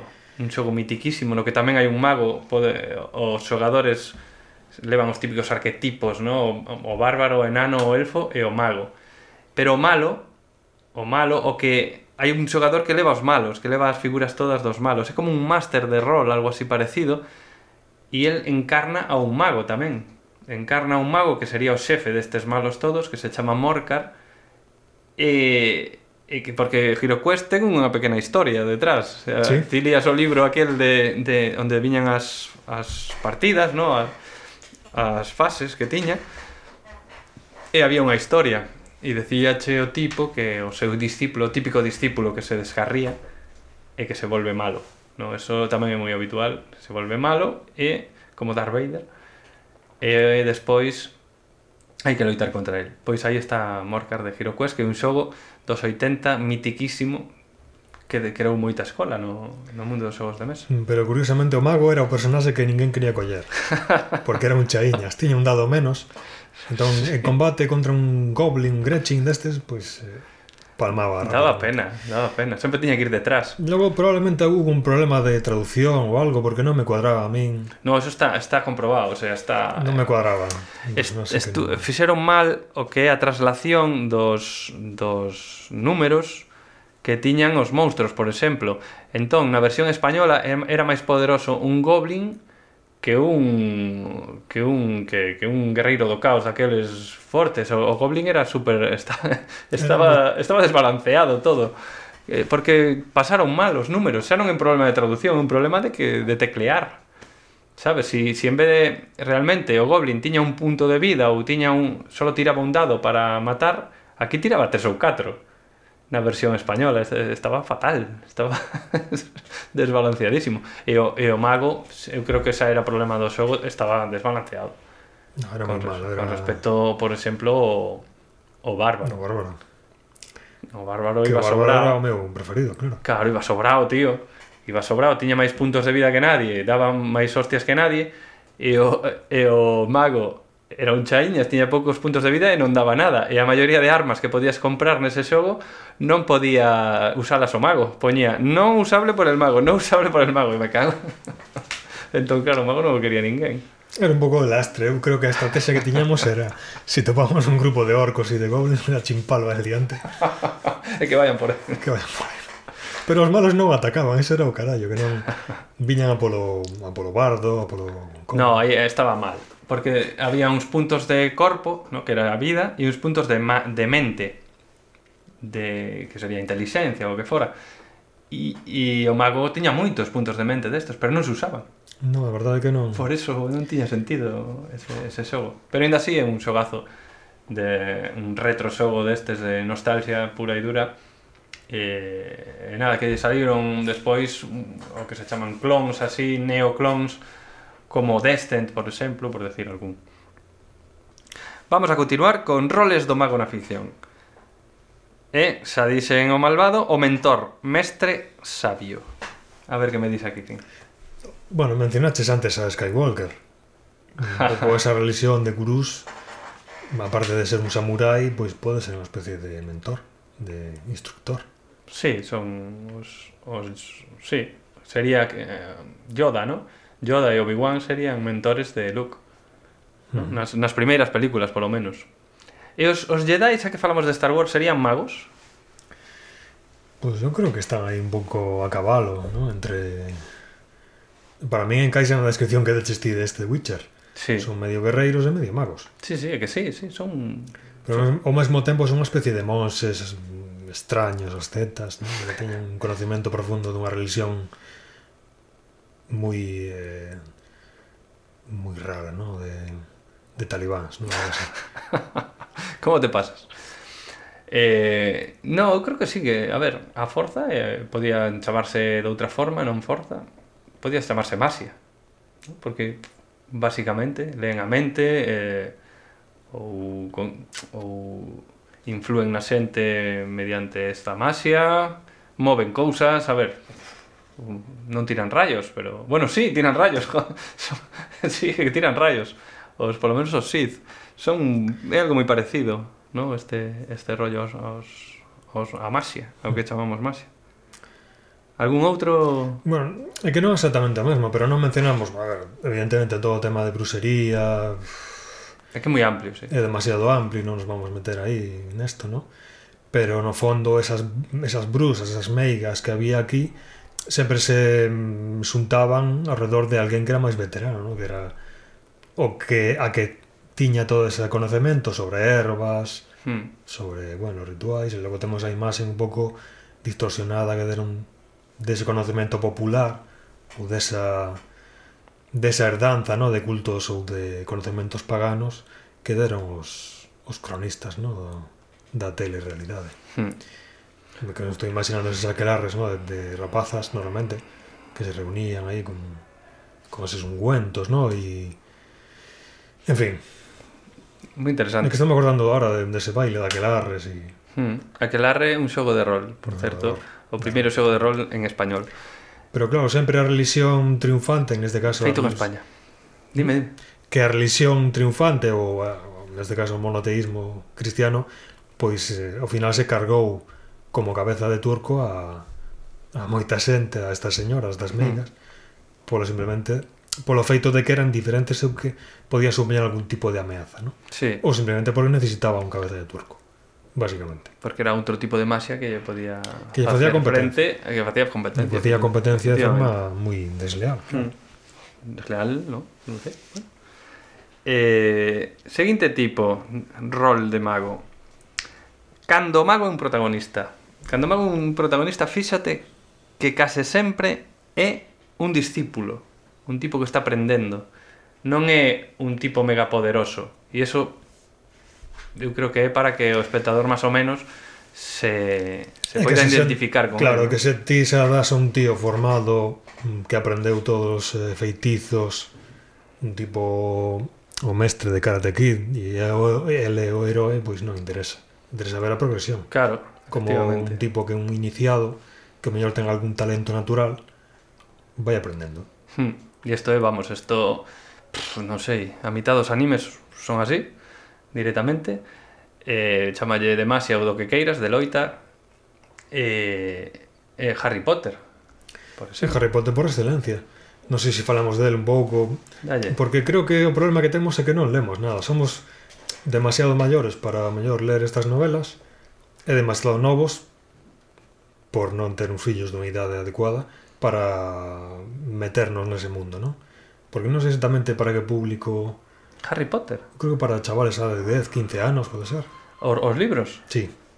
Sí, pode ser, sí. Entón, os libros se podo tes ver, unha sí. prole de, de adolescentes, o mellor sí que te interesa Home, comprar esos libros, enterarte un pouco de que van, Un lelos. colega noso, eh, ti conócelo, Roy, vamos a decir o seu nome, Roy, que agora anda por, por Pontareas, creo, eh, estaba lendo os libros a medida que saían no seu momento. Eu Pero eh, lembro de mirar a portada do libro e decir, pero isto que o pequeno Nicolás eh, parecíame pa nenos, pero él decía que lle, que lle gustaba, eu non o lin, pero bueno, vin as películas. Tampouco é por así, por meter unha sablada, ¿no? pero non ten por que ser malo se está dirixido a nenos ou No, no, no, para nada. Para nada. Para nada. O tema Pero, que non, non me chamou a atención non o link, simplemente. Non, a mellor o marketing estaba enfocado a ese tipo de público e o tratarse de libros moi voluminosos pois tamén tiraba un pouco para atrás. No? non? Creo que non eran tan voluminosos. Non eran tan a verdade que non, non teño nin idea, non me acordo. Pero tan tan como un, como os de Martin, dende logo non. non. Pero eu recordo si sí, entrar en certa en conocidas librerías de cadeas de librerías, ¿no? en cidades, por exemplo, en Vigo, e o primeiro que te topabas ali na entrada era unha, unha pía de libros de ah, cando ah, sí, se estaba estreando. Home, porque foi, a ver, foi un auténtico fenómeno, ¿no? E sí. había creo que tiveron que ter as medidas de seguridade máis grandes para que non se filtrase ao libro antes de que chegase á venda. É que lembrome de datos cando faláramos de Xogo de Tronos de, de Martin de datos de, de ventas de libros. E Harry Potter son sete libros venderan 400 millóns de libros. E, e o Xogo de Tronos, que levaban 5, non sei se 4 ou 5 daquela, levaba 90 millóns.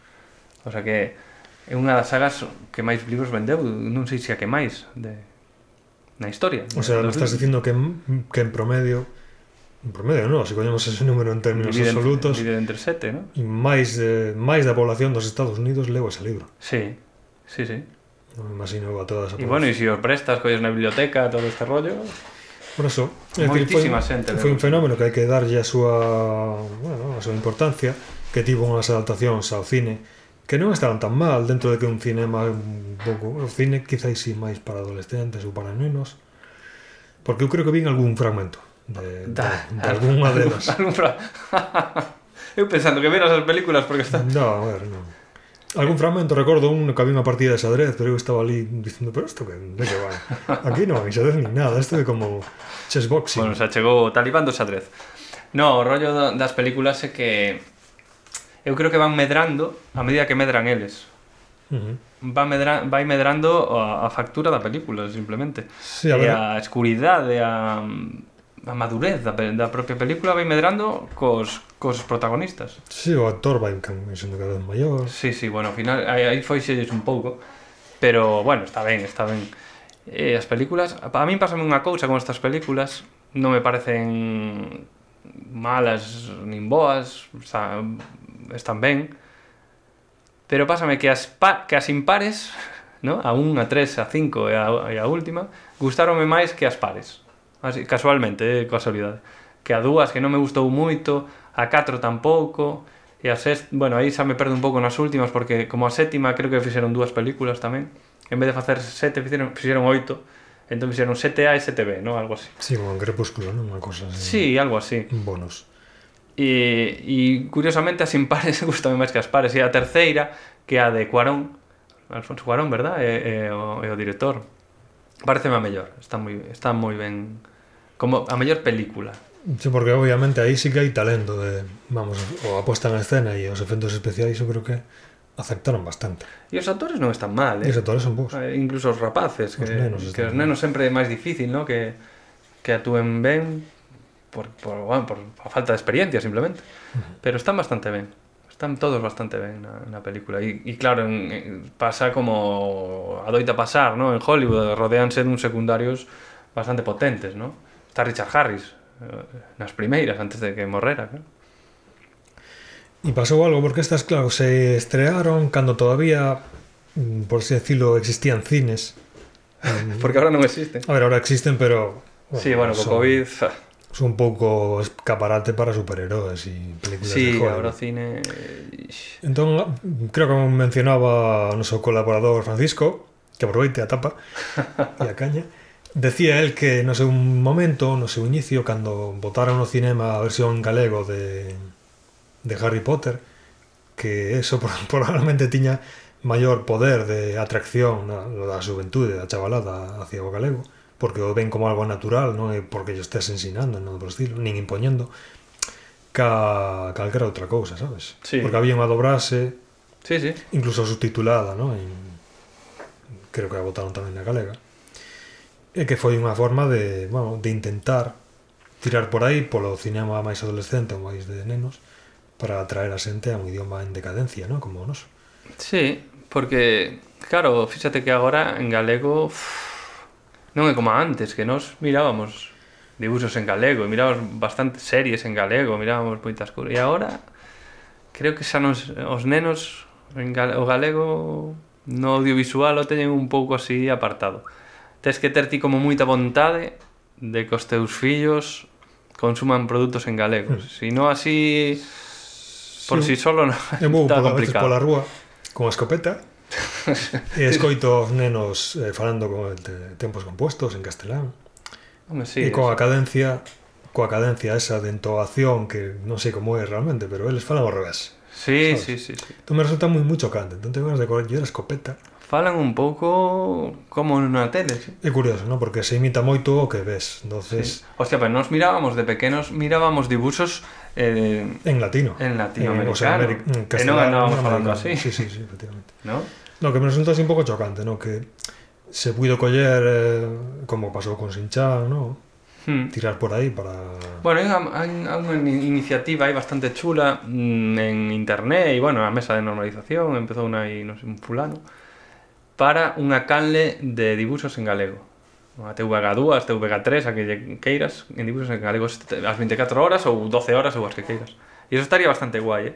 Porque é un rollo que ti sabes que si o pos tes dibuxos, como, como con Clan ou como con, con Disney Channel, ¿no? Que sabes que vas ter dibuxos, ¿no? Neses momentos que dis, venga, vamos a ver a dibuxos. Ti pos aí porque sabes que hai dibuxos. Si vas a TVG2, pode habelos ou pode non habelos. Entón... Sí, a ver, entón- agora a tele é unha cousa moi... Mm, sí, está atávica, quedando un pouco... Tampoco... que se está quedando un pouco atrás. Sí. E, bueno, resiste a TVG pois, a base de... Pero, bueno, aos cativos ainda se lles pon, eh? Despois, cando xa medran un pouco, xa van eles por internet. Claro, Pero os máis pequenos, inda que consumen en tablets ou en móviles ou, en, eh, ou no propio ordenador. Además, internet... bueno, hai uns dobladores aí que se están quedando un pouco esmirriados, non, non comen nada. Home, estaba claro que antes os dobladores na galega curraban moito máis que agora. Uh -huh. Agora, tal. Bueno, estábamos con, con a Masia. Con a ¿no? Seguimos con roles do mago. Falamos do protagonista que adoita ser un discípulo.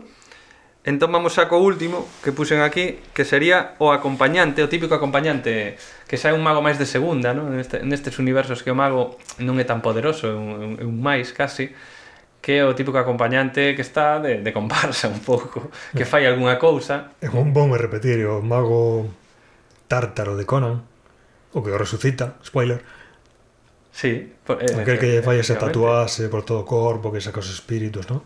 Sí. Que ao final interactúa é unha especie de chamán, pero bueno, gusta me chamalo mago, interactúa sí, con sí. os espíritus, pero claro, hai un prezo que pagar, ¿no? Porque a masia sempre ten ese punto de que é moi ambivalente, ¿no? Mm. Pode ser boa, pero é mala ao mesmo tempo. Sí. E despois nestes grupos de aventureiros eh, que é típico tamén no anime, no? Deste grupo que hai un guerreiro, hai unha tipa, unha arqueira e, un, e hai un mago. Oi, sí, ou as series así... Pues, que falábamos... As series para a chavalada, mellor do mundo Disney, tipo pues, Backstreet Boys ou Spice Girls, non? É dicir, hai un de cada clase. entón hai un que é máis guapo, un que é máis non sei que, pero sempre hai un que ten trucos de máis, eh? Sí, pode ser. Que é o típico que non triunfa. Sí, bueno. Porque fai trucos de máis. Bueno, que lleven a algúns, a outros non lle gusta tanto, sí. É así. E agora vamos a falar un poquinho de masia, xa o sea, que falamos de magos, para rematar este bloco, vamos a falar un pouquiño de Masia. E a Masia, teño que estuve aí pensando un pouco, que é a Masia? Que é a Masia na, no mundo da, da fantasía, no? Por, por que isto da Masia? Pode ser... Eu atopei así como... Pode ser unha especie de alegoría extraña da creatividade humana ou da inspiración?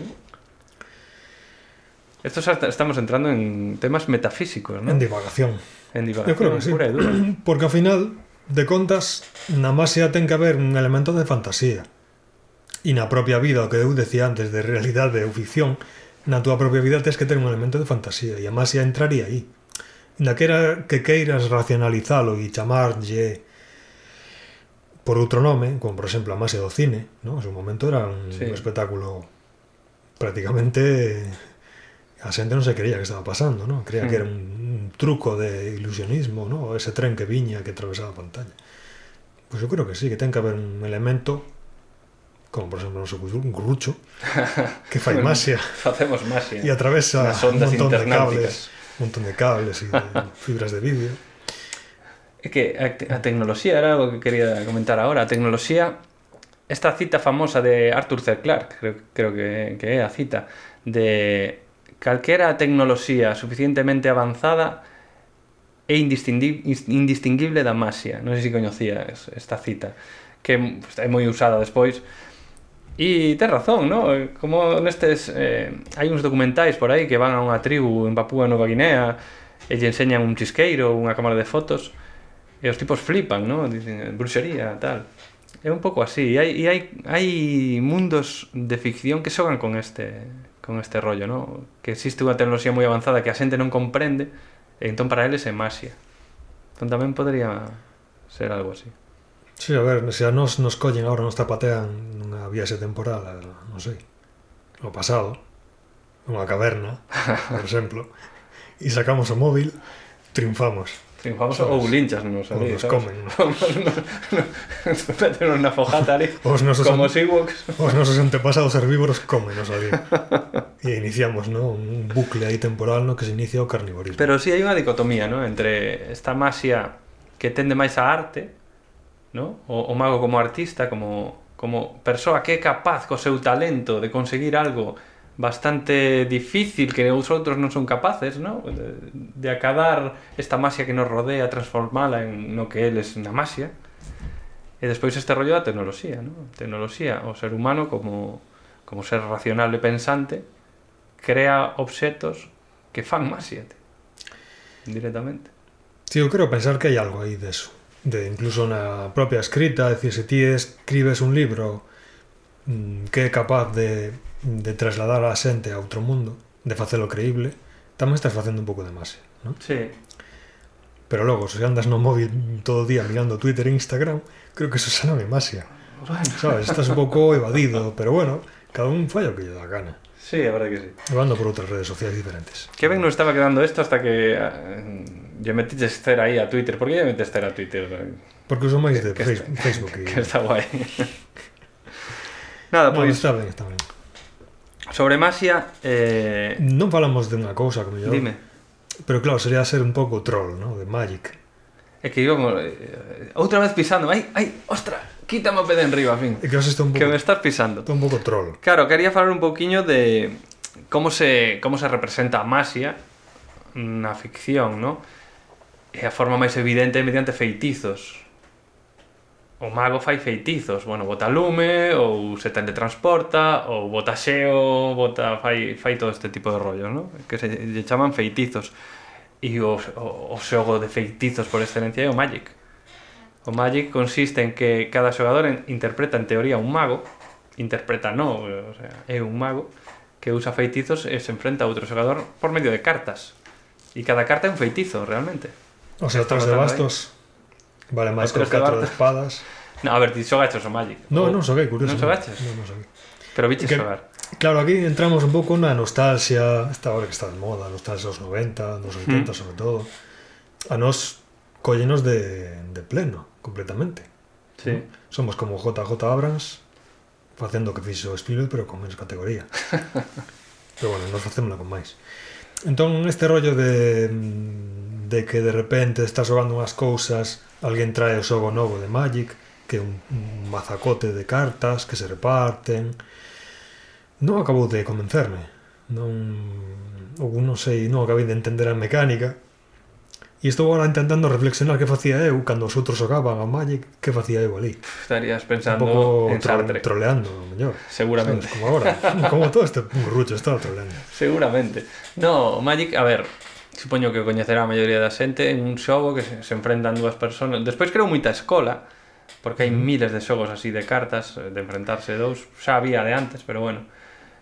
E cada un ten unha baralla con mm. supostos eh, feitizos. Sí, encantamentos. Cada un ten no seu turno tira X cartas, tes que para sacar unha carta tes que sacar antes unha cousa que se chama maná, para poder sacar os feitizos máis potentes, eh, tens que ter máis maná, e enfrontas, si, sí, tis invocas criaturas, invocas feitizos directamente de quitarlle puntos ao rival, bueno, pois... Eu creo que tivo bastante éxito, a ver, éxito entre un grupo de xente así un pouco non sei se nerd ou... Frikis. Frikis dos 90. Frikis dos como nos, ¿no? pero eh, eu só xoguei o Magic por ordena, en un xogo de ordenador. Uh -huh. Nunca xoguei coas cartas o cerdo. Non me gustan os xogos de cartas, en xeral.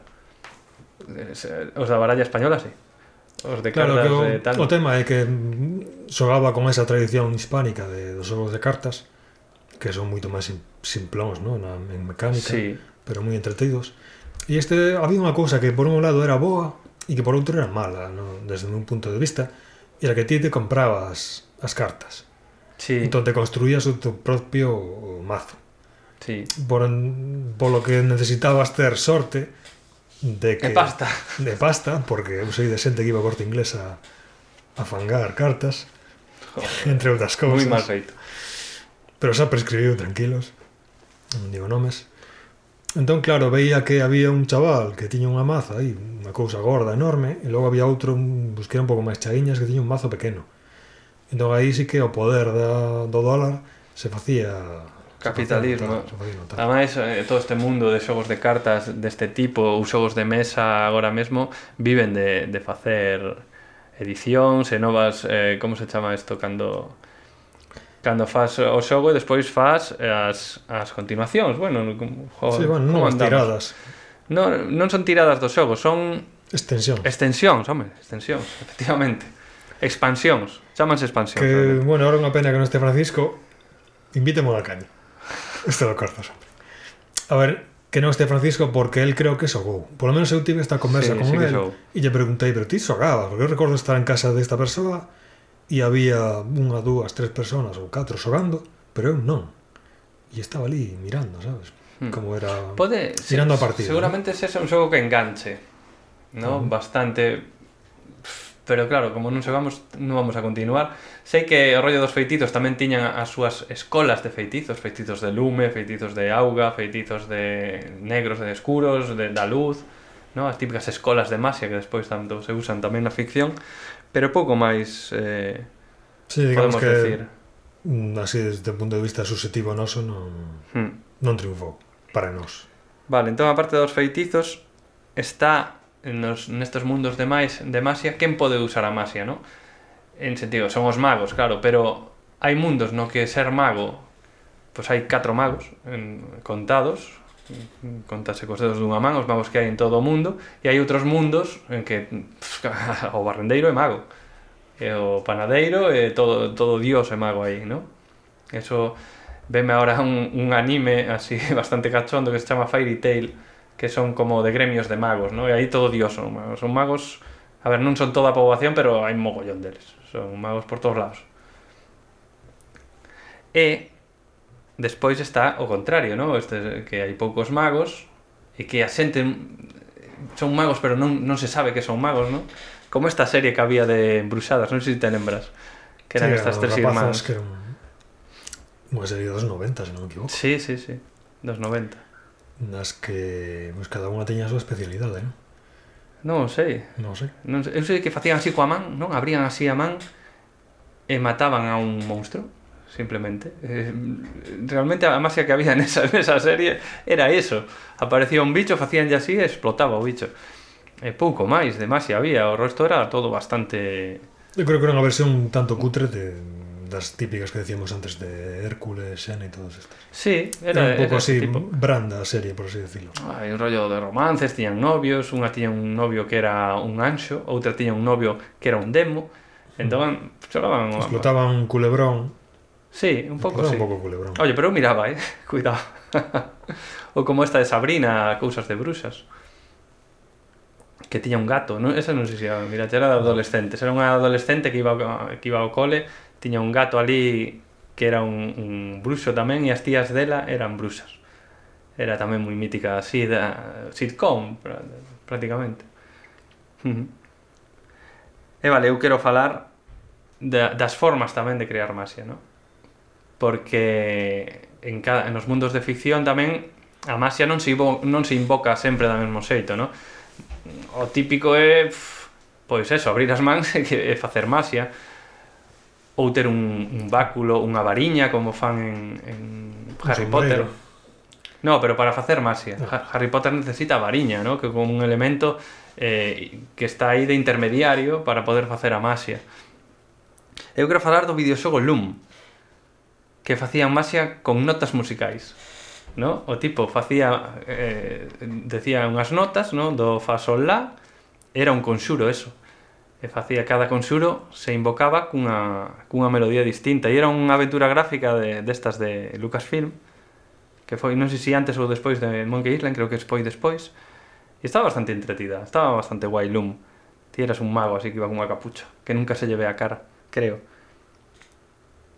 alguna forma que se te ocurra así de... Fíxate que... No, típico son palabras, ¿no? Eso iba a decir. Es decir, o tipo que abra, cadabra bueno, pata de cabra. Os conxuros de Harry Potter.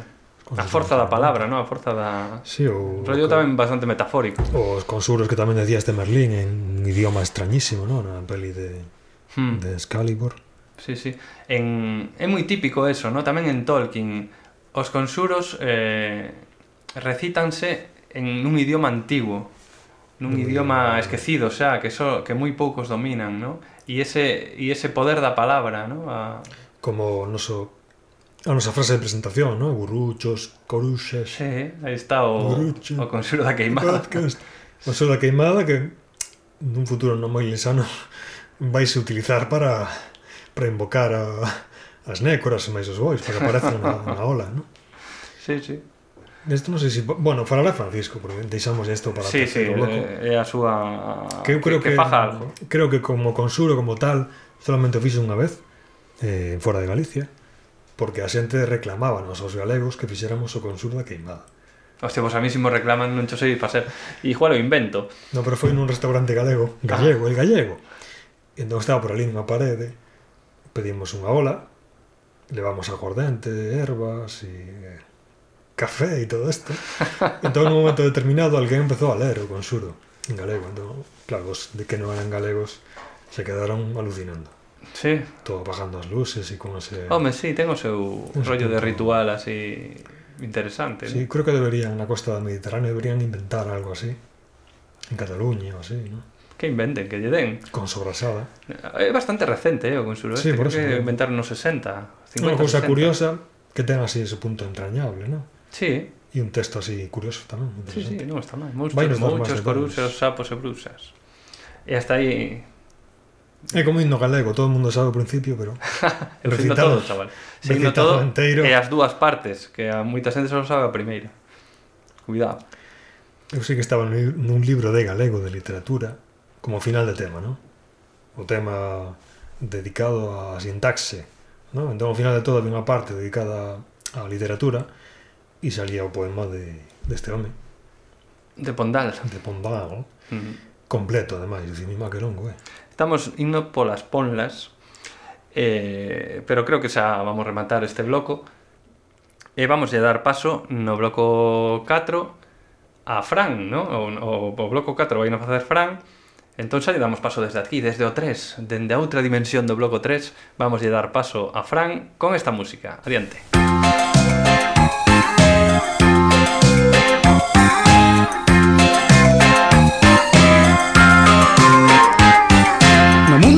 clásico das mans de truco. Se queres dar nun trisco a treta E verlo claro nun ves non ves? Pensa coas mans e non cos pés Pero manda truco nas mans de truco. Ou teñen vida de seu as mans Mantén os ollos ben abertos. Saberás quen é o manda máis. Da man pro pedirá chamán Se lo que máis mandas en chegar as mans. Manda truco Manda e outro máis. Da man pro Escoitamos a excelente música daquel programa que votaban no Sabarín Club sobre masia, se enseñaban trucos de masia así moi, sen, moi sinxelos. Era Manolo Romón, por certo, a voz que presentaba o programa e había unhas mans que te enseñaban os trucos. Manda truco, eh, esto había que decilo. Ahora sí, damoslle paso a Fran. Anal, natraj, rozkvetan do fjellene.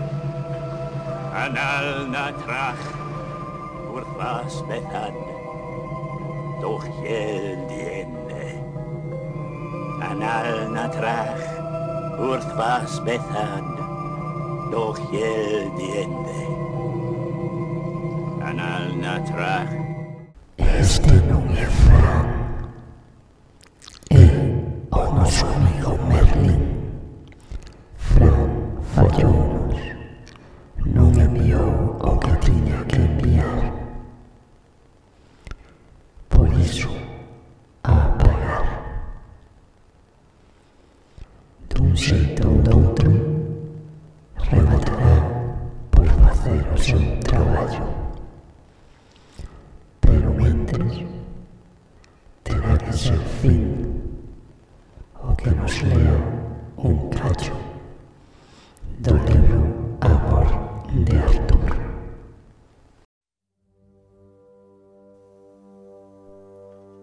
rei Artur soubera, pola boca mesturadora de Galván, que Genebra lle era infidel con Lanzarote.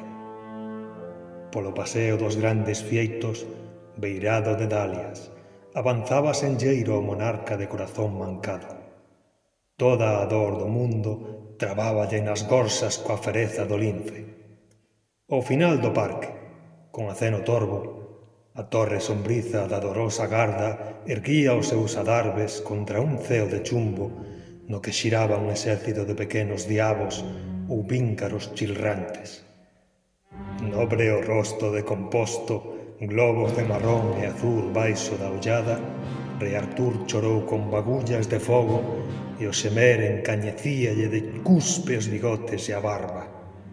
Genebra, Lanzarote, Ela fora a benamada, a única, a gabota do mencer chuvento, a pel cegadora de neve ardorosa, a seguranza pétrea dos estados, o azafrán dos santares de cerimonia, cendal de Persia na fronte queimada dos estíos, noites de brama dos beados beira do pabillón de caza a matar os outros varados de amor de bronce señorial entre dos seis sepeles de Londres e o corpo nu dela a renovarse no leito co movimento incesante e diverso das fervenzas.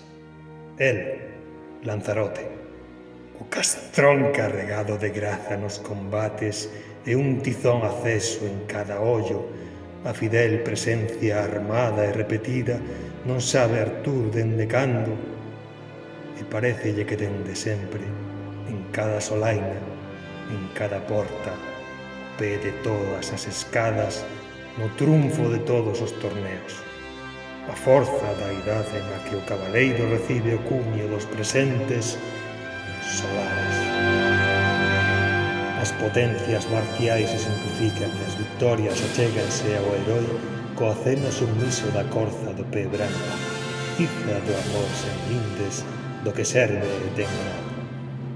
A traición consumada é sabida, a dor apurada ate o derradeiro fondal no que navegan escuras dúbidas e desculpas desexadas.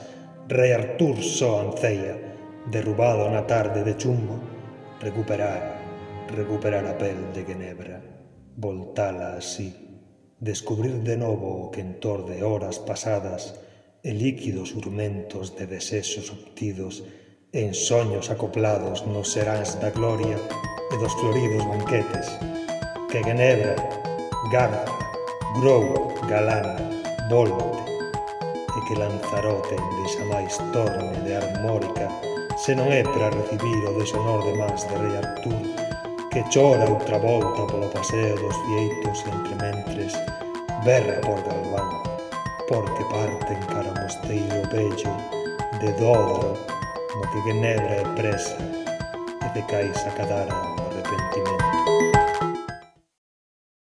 Moitas grazas, Fran, por esta disertación que fixeches. Idiota confiado. Fran non mandou nada.